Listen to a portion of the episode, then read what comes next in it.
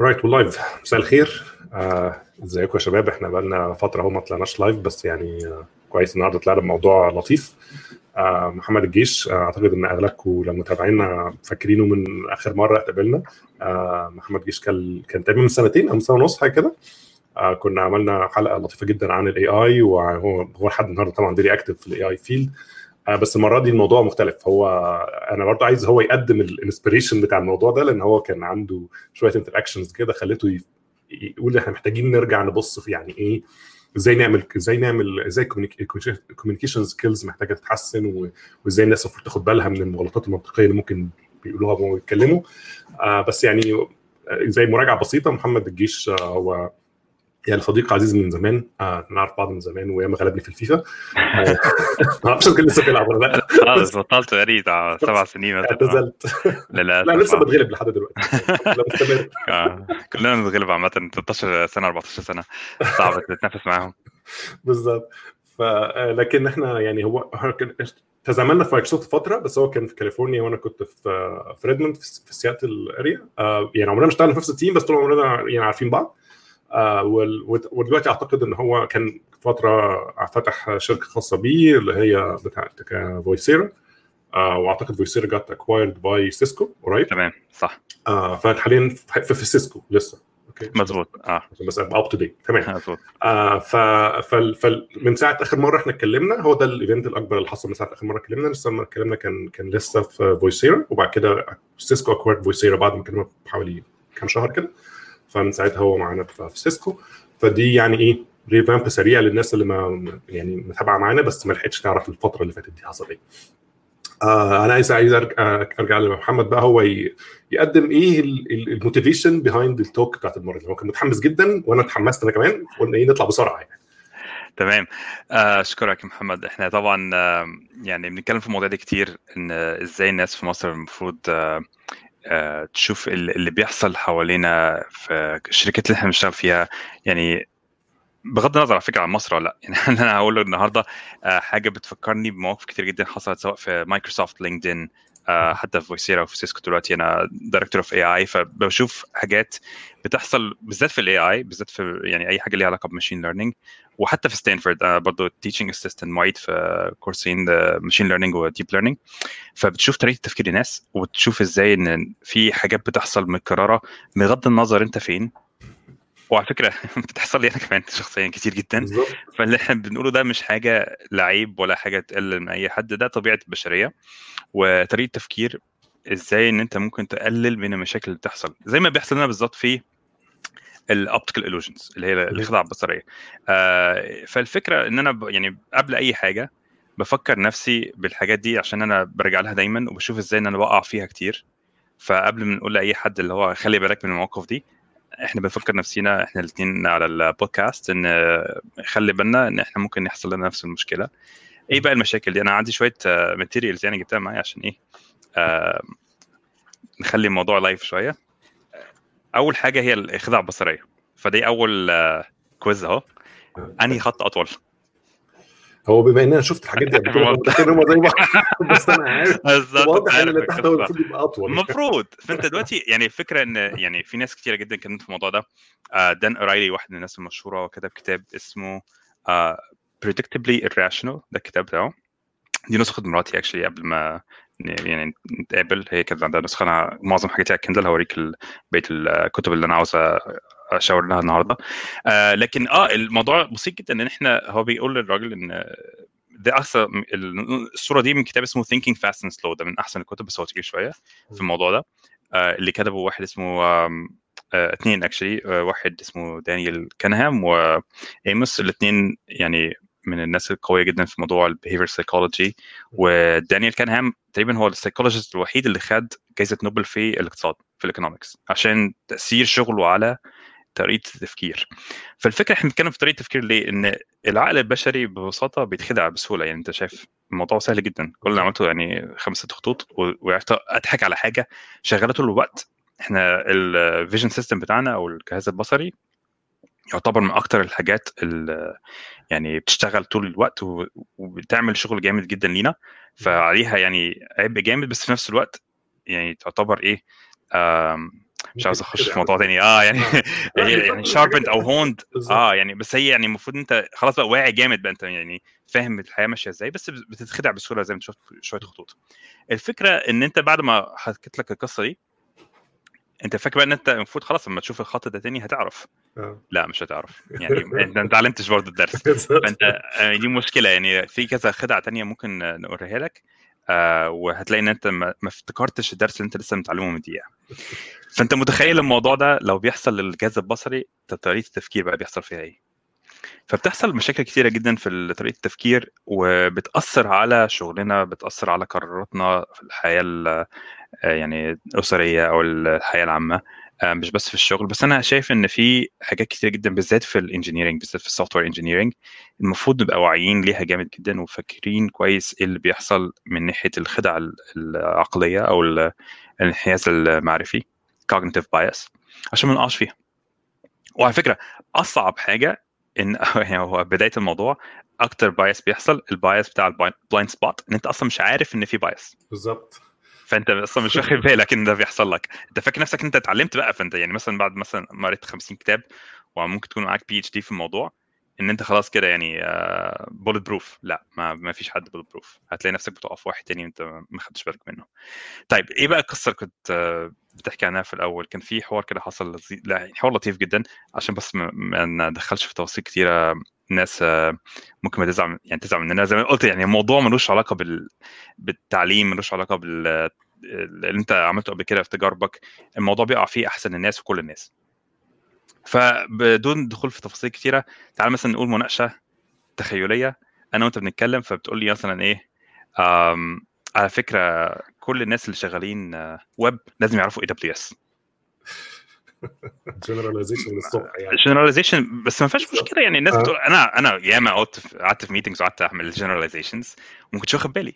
وأحكي عن كذا قصة يعني من وقائعي أنا الشخصية يعني في كذا شركة لكن الفكرة إن الناس كتير عندها ال misconception ده ليه؟ لأن هي مثلا اشتغلت في شركتين ثلاثة وكل الناس اللي هي اشتغلت معاها لقت إن هو anecdotally يعني ده الاسم التاني لل fallacy إن معظم الناس أو ممكن 99.9% من الناس اللي اشتغلت معاها. فعلا كل ال web developers عارفين AWS كويس. لكن مجرد ما خرجت بره الدائره بتاعتك ممكن بكل بساطة تنقض المفهوم ده. أنت هتلاقي مجرد developer واحد بس ويب ما عملش AWS أو مثلا يكون شاطر مثلا في حاجة ثانية JSP. أو حتى ملوش علاقة بال infrastructure خالص. هو ده يعني مش مش علاقة بده. طيب إيه بقى اللي بيحصل بعد كده في الحوار خطوة ثانية تقول لا بس هو أصلا هو مش مش بجد. مش not a true Scotsman. بالظبط. آه هو مش developer بجد. طب آه. إيه بقى موضوع مش developer بجد ده؟ ده في برضه fallacy تانية اللي هو الاسكت- الاسكتلندي الحقيقي اللي هو بالظبط. ال no true Scotsman اللي أنت خلاص بقى مش يعني مزنوق فهتطلع منها بإن أنت تغير التعريف. وبرضه بيسموها moving the goalpost يعني أنت ممكن تغير التعريف بتاع المجادلة أو تعريف ال debate بحيث إن أنت تخرج من الموضوع كسبان. ودي أنا شايفها مشكلة بشكل عام إن إحنا في حاجات كتير قوي بنتناقش فيها علشان نكسب الحوار مش عشان نلاقي حاجة صح. بالظبط هو في الآخر بيتحول الموضوع لمجرد معركة. يعني مم. تستخدم بقى كل الوسائل المشروعة وغير المشروعة عشان توصل لهدفك بغض النظر أنت بتحاول توصل لحقيقة ولا ما بتحاولش. أنت أنت بس عايز إيه تغلب الطرف الثاني وخلاص. يعني بالظبط. آه وده طبعا في الآخر آه، يعني لو أنت بتحاول تحقق مشروع فالمشروع اتركن على جنب خلاص إحنا زي نسينا إحنا بنعمل مشروع إيه ولا نسينا بنحقق هدف إيه إحنا بنحاول بس أنا ضد فلان أو أنا ضد المجموعة دي وهكذا. بالظبط. واللي بيحصل إن أنت بت- بتتحاول sorry، بتتحور بالحيلة وبتحاول تكسب بس في مشكلة بتحصل إن أنت بتفقد المصداقية. إحنا ليه بنتكلم في الموضوع ده؟ عشان برضو إيه. يعني نفهم مش بس في الشغل. لما يكون واحد بيقول حاجة يعني المفروض إن إحنا يعني you mean what you say فاللي انت بتقوله تعنيه واللي انت بتقوله يبقى صادق على فكرة في ناس كتير بتقع في الموضوع ده من غير قصد يعني هي مش قصدها إن هي تقول حاجة كده أو تضحك على اللي حواليك. هو بس بيبقى عاوز يوصل المعلومة بشكل معين أو عاوز يكسب نقطة حوار فبيوصل المعلومة بشكل ممكن يفقد مصداقيته قدام الناس. فأنت بعد كده بت- بتحاول أنت يعني لما تسمع مثلا فلان وقال كذا وهو مش مش صادق هي هيأثر في طريقة تفكيرك أو طريقة كلامك معاه. فالمصداقية مهمة وإن أنت توصل معلومة أو يبقى عندك زي آم، يعني تولز أو أدوات للحوار والنقاش قبل موضوع النقاش مهم مش مهم نتكلم في إيه. بنتكلم في كورة بنتكلم في برمجة لازم تفهم السياق وال rules أو القواعد اللي بيتم عليها الأخذ والعطاء أو الترتيب المنطقي بتاع الحاجة. يعني هو انت ممكن توصل يعني هو حتى لما نتكلم في موضوع logical fallacies ده أو المغالطات المنطقية. مش معنى إنك أنت عديت على مغالطة منطقية إن النتيجة بالضرورة غلط. صح. انت بس وصلت لها بطريقة ممكن يبقى مش منهجية صح. يعني أنت ممكن ممكن أنت عارف زي مثلا واحد بيجمع رقمين فبدل ما يجمعهم على طول قعد يلف ويعمل حاجات ألف حاجة وصل للنتيجه النهائية في الآخر بس هو ما وصلش صح. يعني المنهجيه بتاعته دي مش بالضرورة تؤدي دايما لنتيجة صحيحة. لكن أنت بتحاول دايما توصل لحاجة بحيث اللي قدامك يبقى معاك على نفس الترتيب المنطقي ده لو أنت بتتكلم مع حد هو آه متابع وما فيش أي مشاكل ويقدر يفهم زي ما أنت فهمت. لكن ما لكن ما تبقاش أنت أصلا يعني مش ساعات بتبقى زي ما أنت قلت هو مش هدفك إنك أنت تبقى بتعمل حاجة بشكل يعني يعني أنت مش بتحاول تخدعه بس في نفس الوقت أنت مش قادر توصل له المعلومة الصح فعمال إيه تلف وتدور كتير وتعمل حاجات غلط في النص. فممكن لو حد تاني قاعد سامع وحس إن في حاجة غلط ممكن يدسمس رأيك مع إنك ممكن تكون أصلا بتحاول توصل حاجة صحيحة. بس أنت وصلت بطريقه غلط. يعني غرضك طيب ونيتك طيبة وصافية وكل حاجة زي الفل بس مش عارف ما عندكش أدوات المهاريه إن أنت تروح توصل المعلومة بحيث إن أنت تقنع اللي حواليك؟ وبرده ده يعتبر وسيلة دفاعية عشان لو حد بيستغل الأدوات دي إن هو يوصلك معلومة بشكل ما يعني في malicious intent أو يعني نية غير صافية هتعرف تدافع عن نفسك هتعرف تلقط إن ده لأ أنا أنت بتضحك عليا ده أنا في حتة هنا إيه زي ال optical illusion كده أنت لقطتها على طول عشان انت عارف شفتها ال patterns دي مع الوقت يعني وصلك إنك عرفتهم بتقدر دايما الحاجات دي بتفكرني مثلا بحاجات زي ال design patterns كده. بالظبط انك أنت إنك أنت بتقدر مع الوقت ت detect الحاجة دي فتقول أنا مش يعني ده اسمه كذا دي الطريقة دي في الترتيب المنطقي ده لا ده ده اسمه مثلا زي ما قلنا مش اللي هو true Scotsman ده مش عارف دي اسمها whatever يعني اللي هو آه أي حاجة حاجات كتير آه. يعني آه. فنفس الفكرة ويمكن الفرق بس الصغير بين الاثنين هنا اننا يعني مش لازم يبقى عندك PhD أو مش لازم تبقى إيه مقنن قوي اللي هو أنا عرفت اسمها كذا بالظبط آه. الأهم إن أنت تعرف إن دي من ال class ده أو من ال category يعني مثلا في ال design pattern مهم إن أنت تعرف آه ده adapter وتعرف تفرق بينه مثلا بين proxy عشان يعني في في تعريفات معينة وفي يعني ال granularity أو التقنين ده مهم. لكن هنا المهم إن أنت تعرف إن ده لا أنت بتضحك عليا. يعني أنا غلط. بالطريقة هو في في في حاجة غلط كده. أو يعني مش قصدي بتضحك عليا بس اللي هو على فكرة ده مش هتعرف تقنع بيه اللي حواليك. بالظبط. فبالذات في ال software بقى تعال نتكلم شوية عن الموضوع. أول حاجة زي ما اتكلمنا إن أكبر مشكلة في رأيي إن أنت مش عارف إن في حاجة غلط أصلا. فأنت يا اما بتحاول تقنع الناس بحاجة بطريقة فيها خداع أو فيها يعني محاورة بالحيلة فيها cognitive bias أو مش واخد بالك أو إن أنت يعني مش عارف إن اللي بيتم حواليك في خداع أو في cognitive bias. ف دي ال blind spot آه مثال مشهور قبل ما نخش في ال software actually عاوز أتكلم عليه آه يعني أهمية الموضوع ده في ال engineering وطريقة اتخاذ القرار. من أشهر تقريبا الحاجات اللي تسمع عنها المثال اللي حصل تقريبا في الحرب العالمية الثانية الطيارات مش فاكر بالظبط أعتقد البريتش الإنجليز كانت طيارتهم بتضرب والمدافع الألمانية عمالة تضرب رصاص على أماكن معينة في الطيارة فهم عاوزين يعززوا أو يقووا الطيارة يخلوا يعني زي في دروع على الأماكن اللي محتاجة تبقى محمية أكثر بالظبط أقوى بالظبط. فمعظم الناس جابت الطيارات الدراجات وحطت زي سكتش كده عليه كل المكان الرصاص اتضرب فين ال bullet holes ورسموا sketchات statistics يعني فإحصائيات لفين أماكن ضربك جامد. زي heat maps كده الأماكن زي heat map بالظبط وصلت تقريبا الموضوع لل software يعني قبل ما نخش في ال software administration عاديه عشان هنتكلم عن ال operations كتير. اشتغلنا كتير مع product managers آه بالظبط آه. ف بتبص على الطيارة وبيشوف الأماكن اللي ضرب فيها كتير فمعظم طبعا الناس اللي في الجيش قال لك بسيطة دي أماكن ضربت كتير خلاص حط عليها الدروع وطبعا الموضوع مش ببلاش هو يا ريت يعني لو ببلاش خلاص مش مشكلة لكن في طبعا وزن الطيارة بيزيد الوقود بيحتاجها تزيد. آه. طريقة ال maneuvers بتبقى أوحش. المهم فجالك واحد statistician قال لك لا ثانية واحدة تعالى لي بقى. آه وريني حضرتك كده الحاجات دي. آه دي ما فيهاش مشكلة. المشكلة في الطيارات اللي ما رجعتش. عزز لي كل الأماكن اللي مش موجودة على السكتش. ده ال survivorship bias المشكلة في الحاجات اللي إحنا بنشوفها اللي بتعدي وبتكمل وما بتشوفش الحاجات اللي ما عدتش نقطة معينة. فزي ما انت قلت في ال software آه تخيل مثلا عندك دي حاجة من الحاجات اللي اتعلمتها تقريبا أول ما دخلت مايكروسوفت 2007 كان في واحد senior في ال team قال لي على إزاي بنعمل ال perf وال load testing فطبعا الحاجات دي مش بتتعلمها في الجامعة فبالنسبة لي كان يعني فرصة كويسة إن أنا أشوف الحاجات دي بتتعمل إزاي ال scale of مايكروسوفت وكده. فقال لي إحنا هنعمل مثلا الأول functional testing هنتأكد إن كل ال function testing عدى 100% قبل ما نعمل أي perf testing طبعا بديهية يعني دلوقتي إحنا بنتكلم في الموضوع ده بديهي بس الفكرة في إيه؟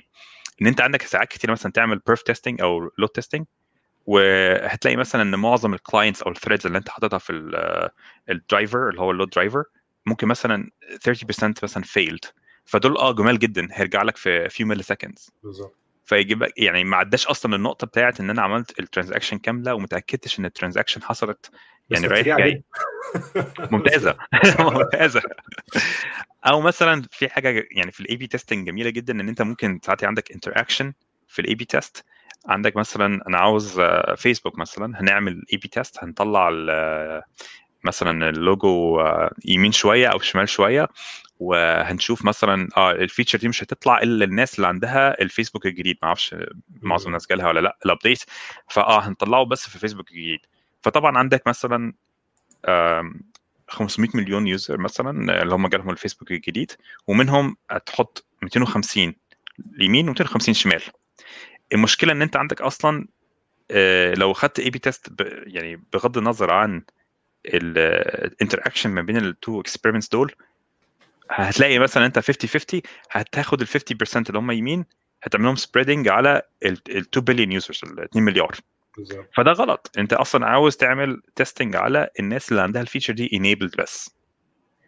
فبتشوف انت أصلا إزاي بتقسم ال population بتاعتك أو ال sample وبتقسم أو بتاخد القرار أو بتاخد ال metrics على الناس اللي شافت الحاجة أصلا. ما ينفعش test حاجة ما حصلتش أو ما ينفعش تاخد ال metric على عينة من الناس ما شافتش أصلا ال experiment اللي أنت بتعمل interaction ما بين two experiments يمكن ده مثال يعني متعمق شوية بس المثال مثلا بتاع الطيارة ده واضح وصريح إن أنت حاجة ممكن تكون very intuitive بس غلط.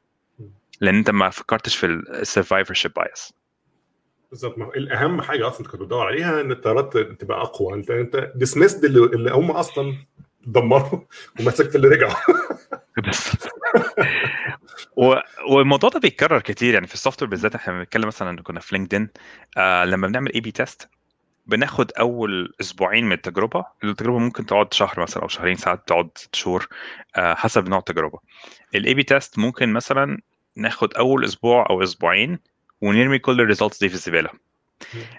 هاخد مثال من الطب زي ال urine sample اللي هي midstream ليه؟ أنت مش عاوز في الأول الحتة اللي فيها لخبطة وفيها يعني الناس شافت حاجة جديدة. إيه ده؟ wow! لك أنا شفت اللوجو الجديد بتاع بتاع فيسبوك فعملت إيه؟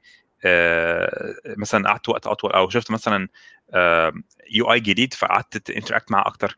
ده ملوش معنى في الأول. ده ال novelty effect فبتشيل أو ال burn-in effect بتشيل الحتة دي من اعتبارك خالص. ليه؟ لأن هو لسه في الأول في حاجات في بتحصل في الأول. بالظبط. في interactions بتحصل كده إيه ما ينفعش تاخدها على أساس إن أنت آه ده ده طبيعي مش ده ال typical لأ أنت عاوز ال midstream أو عاوز اللي بعد ال burn-in effect وساعات ساعات الموضوع ده بيحصل برضه في ال soft engineering أنا فاكر يعني في مايكروسوفت كان بيحصل معانا أحيانا الموضوع ده. كنت تلاقي مثلا إيه قبل ما يبقى فيه مثلا code freeze أو code complete date أو حاجة وفي crunch time وكده فتلاقي الناس بقى في الآخر أول ما ي meetوا ال deadline ده تلاقيهم بقى باعتين اللي هو إيه لستة ال bugs اللي خلصناها ولسه مش عارف إيه وبتاع وبيحتفوا قوي مثلا ال team الفلاني خلص مثلا 100 bug وده خلص 300 bug لما تيجي تفكر فيها أنتوا بتحتفوا بالناس اللي كان عندها bugs أكتر من الناس اللي ما كانتش عندها bugs أصلا. يعني الناس اللي ما عندهاش bugs أصلا ممكن تلاقيهم تحت اخر ال list يعني الناس دي يعني did it right from the first time هم دول أنت محتاج تحتفي بيهم أكتر أو تحطهم في example آه دي ال hero ال hero syndrome. بالظبط. آه فدي دي بتحصل. أنا يعني وصلت لمرحلة في لينكدين إن أنا كنت يعني متضايق جدا من الموقف ده إن الناس اللي بتتكرم جامد وبتاخد awards ودايما الناس ال senior VP بيبعت thank you email آه شكرا اللي هو مثلا إيه دخل عمل كان في outage وحاول ينقذ الموضوع. طب فين الناس اللي كانت بتظبط الموضوع قبل ما يحصل outage أصلا أو بتمنع إن هو يحصل outage اللي هي شغالة في صمت. نحن نعمل في صمت. ما حدش بيشكرهم بيخلي أحيانا أنت عند... عندك إحساس إن it's thankless job يعني شغلانة ملهاش ما حدش هيشكرك عليها. بالعكس انت أنت لو عملتها صح 100% ما حدش هيحس بيك. زي ال security بالظبط زي مشاكل ال security زي ال build system ال infrastructure عموما. كل كل النوعية دي من ال من ال من ال jobs لو أنت بتعمل شغلك 100% perfect محدش حاسس بيك. آه. okay؟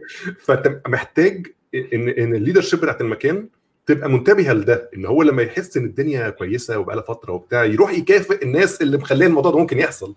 من إن هو يبقى دايما عنده fire storms طول الوقت وناس بتولع وبتجري ويقعد بقى إيه اللي بيطفوا الحريقه طبعا بيطفوا الحريقه مهمين وكل حاجة بس طبعا. الأهم منهم اللي ما بيخليش حاجة تحصل أصلا. هو بالظبط يعني مثال بتاع الحريقة ده ده مثال يعني 100% صح. زي ما أنت قلت ال fire fighters مهمين ولازم يكافئوهم عشان طبعا بيبقوا very brave وشجعان وبيضحوا بحياتهم وكل الكلام ده. لكن الناس اللي أصلا بتمنع الحرائق إن هي تحصل بتوع ال safety مثلا في بتوع المصانع. الفاير كود وبتوع الحاجات اللي هم ال boring دول. مهمين جدا. يعني بالظبط. ال engineering productivity أنا عندي دلوقتي يعني كمية احترام لا يعني ما فيهوش مبالغة يعني فعلا كمية آه، يعني unbelievable respect للناس دي لأن هم بيتعبوا جامد جدا عشان يدوك الحاجة تنجز انت بسرعة. مش عشان بقى يعني تروح تشوف الناس اللي بتعمل مثلا ال outages طبعا مع احترامي الناس دي مهمة جدا. ما فيش ما فيش اختلاف.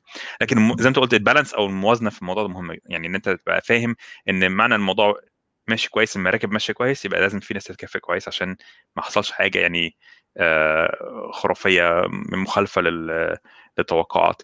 فال leadership صعبة في الموضوع ده لأن ده bias رهيب جدا إن أنت دايما اللي بيظهر هو نجم الشاشة ال hero syndrome آه. غصب عنك أنت حتى أي بني آدم عينه بتيجي على ال activity في activity بتحصل في الحتة دي وعالية ومش عارف إيه وأنت كمان بتجد يعني تلاقي مثلا customers بيتصلوا بيك وتلاقي حد مثلا أنقذ الموقف.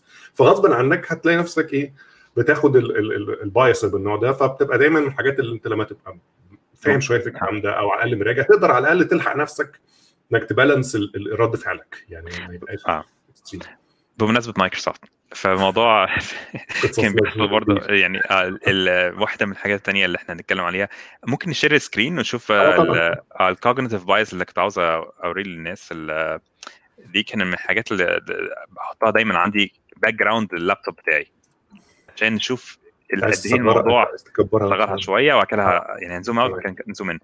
ف من ساعة ده تقريبا طلع 2016 كنت في لينكدين ساعتها. من ساعة ما طلع تقريبا هو ال background بتاعتي في اللابتوب عشان أنا يفكرني دايما في 180 تقريبا cognitive bias في الصورة دي بس.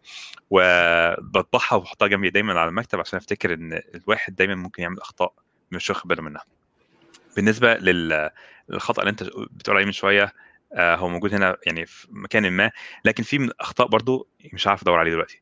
ال recency effect كان مايكروسوفت بتلاحظه مم. جامد جدا في إمتى؟ كان ال annual review كانت بتحصل تقريبا في شهر- شهر 6 في يونيو. بالظبط. فتلاقي في شهر خمسة وشهر أربعة الناس عاملة شغل ممتاز. ممتاز كله مولع الدنيا.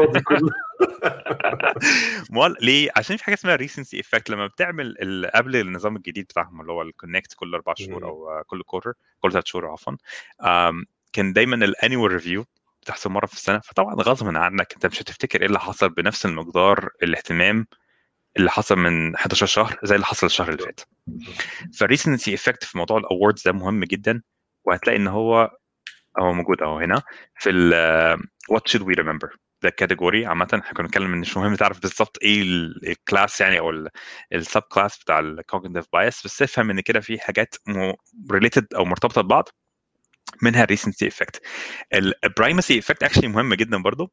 ده في كذا experiment لذيذ عليه. بس يعني الخلاصة اللي فيه إن أنت لما عندك مثلا interview وأنت عارف إن في كذا candidate في نفس اليوم كان مايكروسوفت بتعمل الموضوع ده كتير. أنا أصلا دخلت مايكروسوفت كان في يوم interviews كامل تقريبا كنت آخر واحد في ال interviews ف أنا يعني ما فهمتش ساعتها طبعا إيه الموضوع ال primacy effect ده بس هو إيه يعني بيقول لك يعمل- لو عندك demos عندك presentation عندك interview وفي كذا حد في كذا slot يا إما تبقى الأول يا إما تبقى الأخير. ليه؟ دول مظلومين. للأسف مظلومين. ده طبيعة الحياة. الناس بتفتكر دايما أول حد طلع وبيبقى هو زي إيه establishing the bar. ده كده بيحط زي standard لبقيه ال benchmark لبقية الناس اللي جاية بعديه. أو بيفتكروا آخر واحد ده اللي هو lasting impression. فال first و lasting impressions هم اللي بي... بيأثروا أكتر من أي تأثير تاني على آه، لو عندك الناس اللي بتعمل الصورة ممكن تحطها في الشات عشان الناس آه، برضه بتدور أنا عليها. هحطها في الصورة okay. فدي من أهم الحاجات اللي يعني البسيطة خالص اللي ممكن تفرق معاك. فمايكروسوفت كان فيها يعني حاجات لذيذة جدا برضو من طريقة التفكير ده برضو قبل عشان بس يعني fair قبل ساتيا وقبل ال openness دلوقتي اللي موجود ال open source يعني inclusion ولينكس والحاجات دي كانت دايما في اللي هو not invented here syndrome. ودي موجودة مش بس في مايكروسوفت موجودة في شركات كبيرة جوجل منها يعني تقريبا ناس كتير بتتكلم في الموضوع ده يعني مش أنا اللي بقول عشان ما اشتغلتش في جوجل شخصيا بس معظم المهندسين عامة اللي هم كويسين جدا عندهم ال bias ده. اللي هو لا أنا ممكن أعمل الكلام ده هنا. مش هروح أشتري مثلا ال product ده من شركة تانية. أنا ممكن. عاوز إيه؟ حاجة ما لهاش علاقه خالص باللي أنت بتعمله. هنعمله لك حاضر عشان إحنا يعني عندنا ال... آه يعني مثلا يعني مثلا let's say مثلا اللي هو مايكروسوفت مثلا ما عندهاش CRM مثلا. وعاوزين يشتروا لل sales force بتاعتهم CRM هم طبعا عندهم CRM عندهم Dynamics لكن نفترض قبل ما يشتروا Dynamics قبل ما يعملوا acquisition هتلاقي كذا حد مهندس طلع إيه يعني؟ ما هنعمل لك CRM عشان مش عاجبني اللي بره. هو ده غلط في كذا حاجة. هو اولا مش معنى إن أنت بتعرف تعمل CRM أنت المفروض تروح وتعمل CRM. Just because you could doesn't mean you should. بالظبط. فأنت ممكن ال focus بتاعك يبقى حاجة في يعني مستغلة في حاجة أحسن بكتير. وقتك يبقى مستثمر فيها بشكل أحسن. الحاجة الثانية إنه على فكرة مش لازم تكون أنت كويس في كل حاجة. هو غالبا أنت مش كويس في كل حاجة. هو معظم الناس يعني زي ما بقول لك إيه most drivers think they're above average. فدي مشكلة عامة. أي حد بيسوق اسرع مني متخلف أقل حد بيسوق أقل مني فهو غبي فهي نفس المشكلة يعني. بالظبط. فالمثال التاني برضو اللي قريب من ال not invented here syndrome اللي هو الايكيا افكت ودي آه، هتلاقيها في الكتاب ده اللي هو predictably irrational. وهنتكلم عنه شوية يعني في كذا حاجة لذيذة هتطلع آه، عندي مفاجأة كده هن- هنتكلم عنها كمان شوية. لكن ال IKEA effect كان في experiment لذيذه جدا عملها المؤلف الكتاب Dan Ariely هو في Duke University قال لك إن إحنا هنجيب students هم دايما غالبا ال graduate students بيجربوا كل حاجة. فقال لك هنعمل لهم زي يعني origami contest وهتاخد ال origami paper وهتعمل منه البجعة ال swan وتروح تعرضها للبيع. وجاب ناس من بره دول بقى يعني ال professional origami makers وعملوا نفس الفكرة نفس ال design وجابوا control group ناس آه، يعني اشتروا اورجامي من أي حتة ومعمول swans اللي هو مش مش فارقة جاي منين. فلما بتعرض حاجتك للبيع بيسألك تتوقع دي المفروض تتباع بكام؟ لقوا إن معظم الناس اللي عملت حاجة بإيديها ده ال IKEA effect بت overvalue قيمة الحاجة دي. لا ده مش ب... آه مجهودك بقى أنت عرقك ووقتك. فلا دي مش ب... مش ب 10 سنت دي بدولار أصلا ال professional origami مثلا ب 50 سنت فالفكرة إن أنت ما ينفعش إن أنت تقرر بنفسك حاجتك قيمتها قد إيه لأن ده بيعتبر فيه جزء دايما impartial.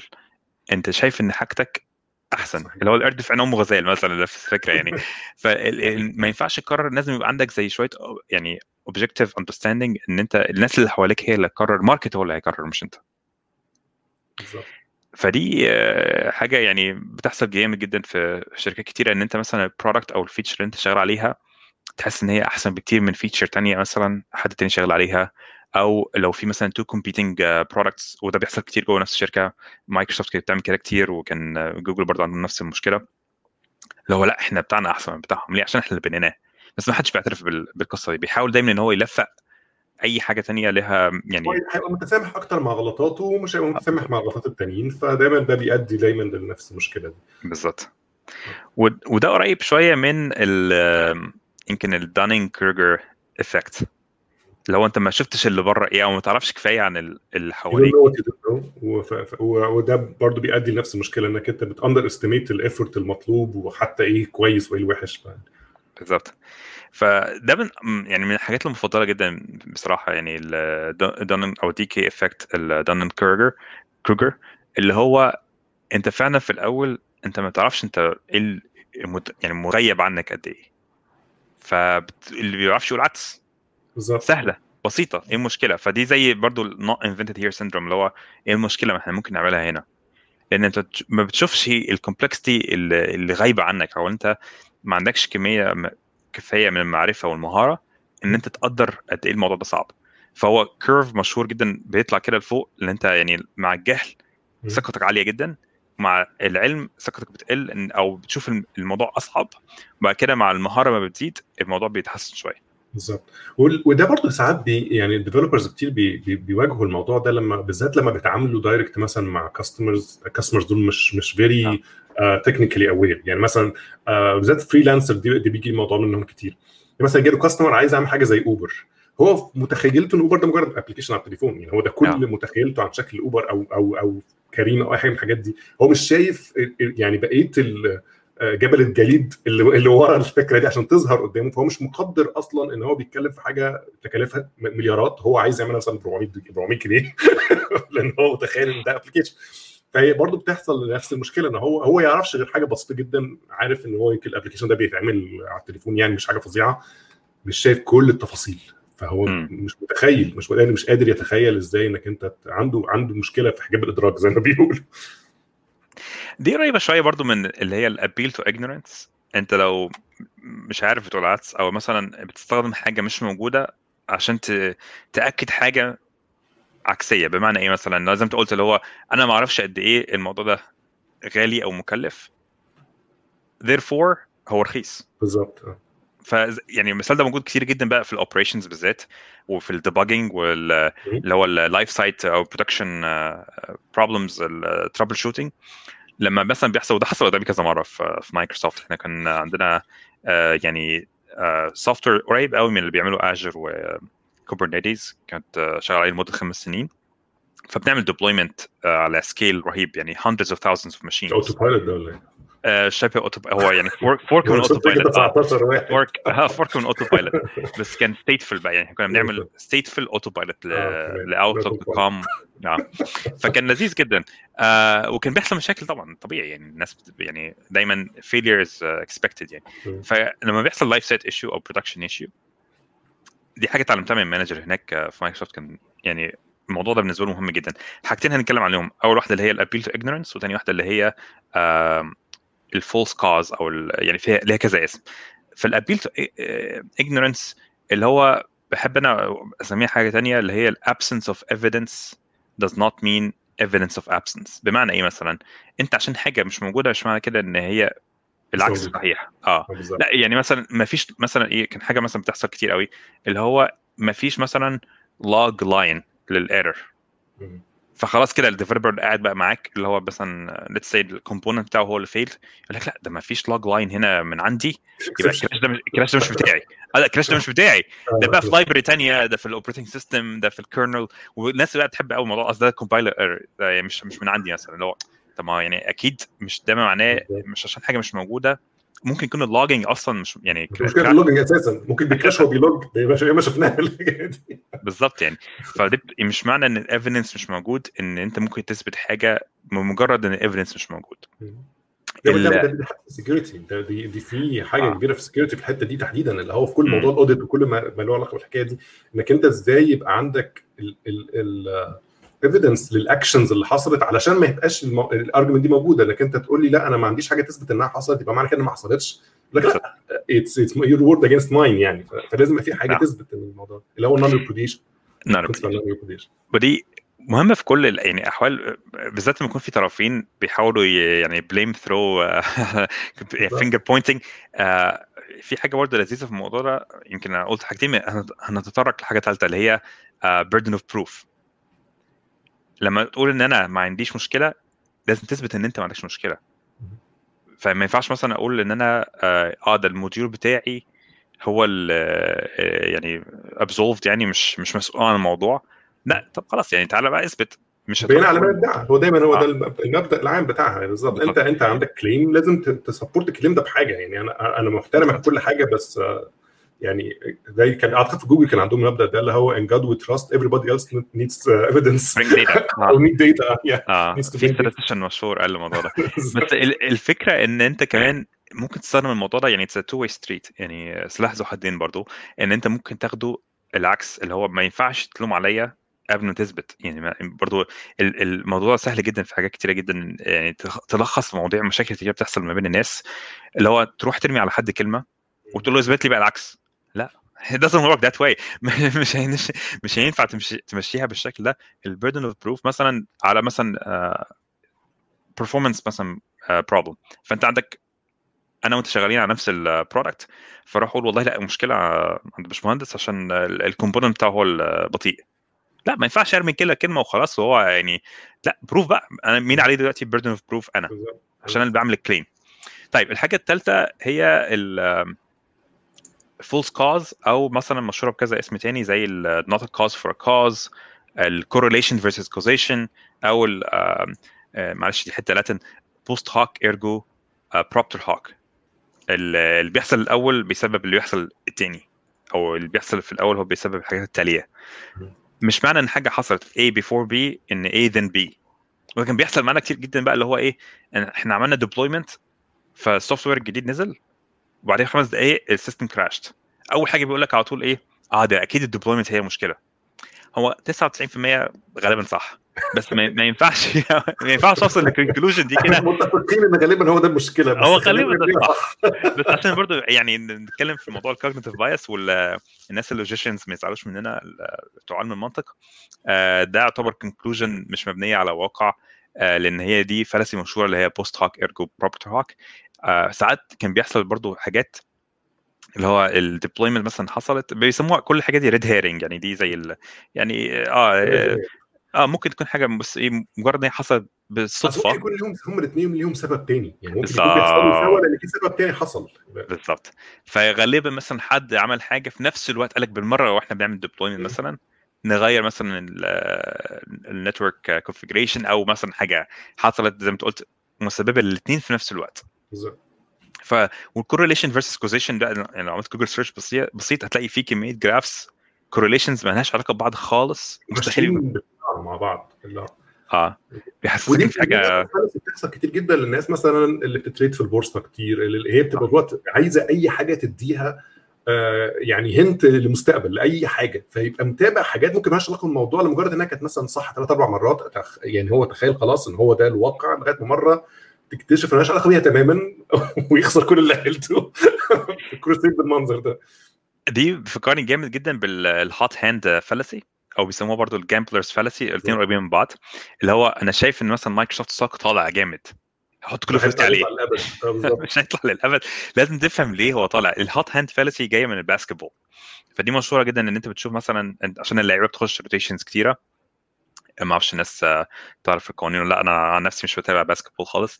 بس, بس الفكرة عادي بيحصل طول الوقت يعني بس آه سريع مش زي الكورة. لأ طول الوقت الناس بتطلع وتدخل. بالظبط. فيقول لك مثلا لبرون دلوقتي معاه يعني هي has a hot hand عمال يجيب baskets ورا بعض. كل ما يرمي تيجي كل ما يرمي تيجي مش معنى إن هو رمى خمسة in a row إن هو هيجيب السادسه ملهاش علاقة. يعني دي بقى الحاجات اللي إحنا بنتكلم فيها في ال probability وال events اللي هي المفروض فيها independence فممكن يبقى في طبعا شوية يعني dependence إن هو مثلا psychologically مثلا حاسس إن هو أحسن فبدا ي heighten بقى الإيه ال reaction بتاعه وال response time والكلام ده كله.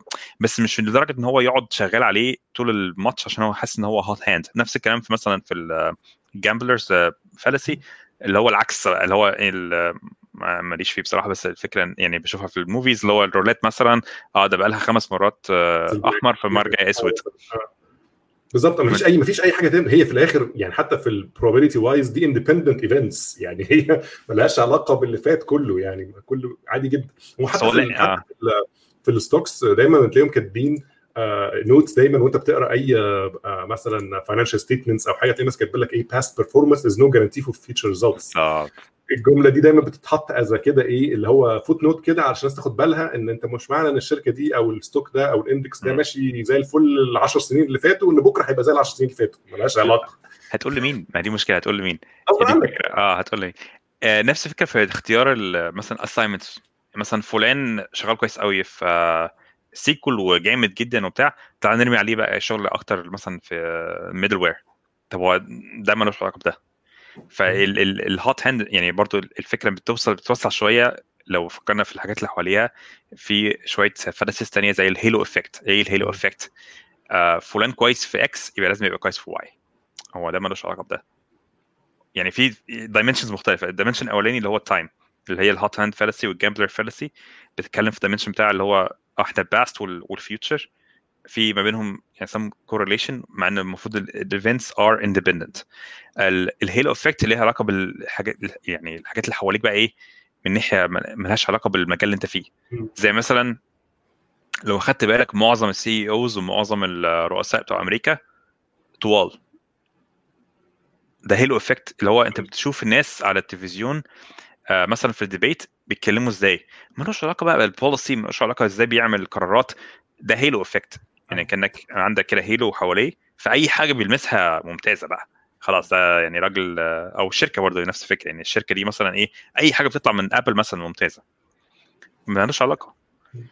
فنفس الفكرة قريبة شوية من ال genetic fallacy يعني كل دي برضه في ال red herring family إيه ال genetic fallacy مثلا Apple آه هم تقريبا هيطلعوا حاجة آه أي حاجة آه، بالظبط. هم هيطلعوا tag ما أعرفش يعني ما حدش يعرف tag عامل إزاي مثلا ال product الجديد؟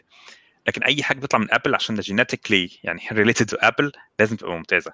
نفس الفكرة برضو مع الأشخاص وفعلا يعني ال literal fallacy هنا يبقى genetically مثلا تقول إن ده حسام ممتاز الكود بتاعه رهيب. ليه؟ أصل بابا بروفيسور في ال CS department هو مال ده بده. يعني ماشي يعني ماشي هو طبعا في شوية عوامل ممكن يكون رباه وهو صغير هيكتب كود وبتاع بس مش معنى كده أنت توصل ل conclusion مش بمجرد إنت تعرف مش بالضرورة مش ال- بالضرورة. العامل ده لوحده مش كفاية إن أنت تبني زي ما أنت قلت قبل كده ممكن يكون حقيقي ليه؟ لأن في عوامل تانية بس ما ينفعش تاخد النقطة دي لوحديها كده وتقول إيه أنا هاخد ده وأوصله بده ويبقى كده الموضوع إيه انتهى نفس فكرة التوصيل وال association في red herring برضو اللي هو ال guilt by association مع احترامي لكل الناس اللي شغالين بي اتش بي هختار بس بي اتش بي شوية كده عشان إيه الناس اللي بيسمعوا كتير برضو على ال على ال groups آه اللي هو بص لا ال paradigm ال design pattern ده شكله كده حاجة زي الناس اللي عاملينه في ال PHP project ما ينفعش نستخدمه عندنا بشكل وحش. مال ده. بده كويس إيه المشكلة؟ يعني بالظبط. آه مثلا هو لا لا ده monolithic ما ينفعش معانا. طب انت عوامل يعني عوامل اتخاذ القرار عندك مختلفة عن مثلا اوبر أو عن, عن جوجل مثلا. انت عندك خمس آه، خمسة engineers وشغالين على system واحد وكلهم بيتكلموا مع بعض طول اليوم. أعمل لهم 90 service ليه؟ هم خمسة. بالظبط.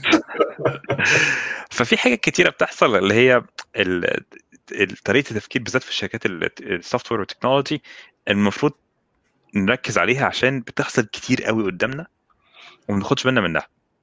فنرجع تاني بسرعة بس لموضوع آه، اللي هو ال debugging وال troubleshooting في ال live systems وال production systems أنا كنت قلت في ثلاث حاجات هنرجع عليها واحدة رابعة قريبة منها شوية اللي هي affirming the consequent.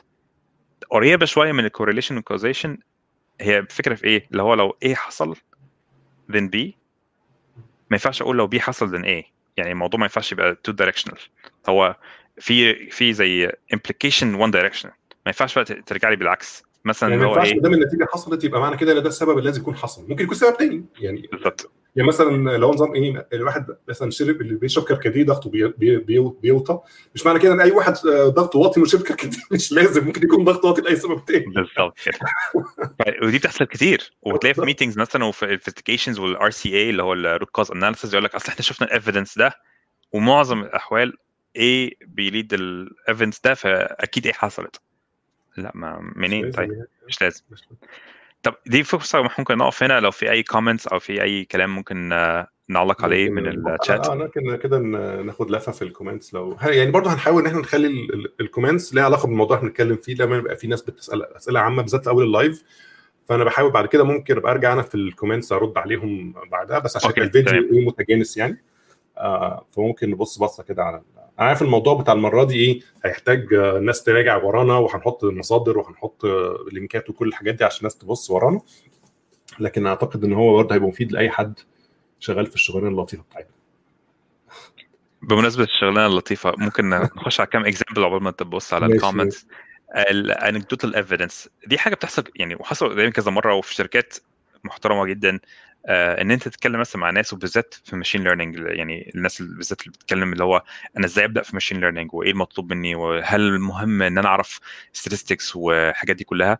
آه مهم. ليه؟ لأن بتحصل مثلا وده حوار حقيقي حصل مع حد أنا يعني اشتغلت معاه.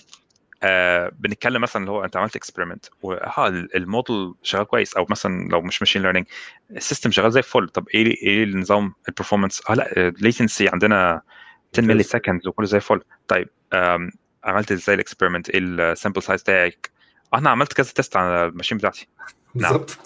يعني خمسة مثلا 10 100 مليون. طب يعني إيه إيه ال prior طيب إيه إيه ال distribution عاملة إزاي؟ ال ال يعني ما ينفعش تاخد حاجة كده in isolation تقول مثلا أنا عملت 10 test بالمنظر ده. آه.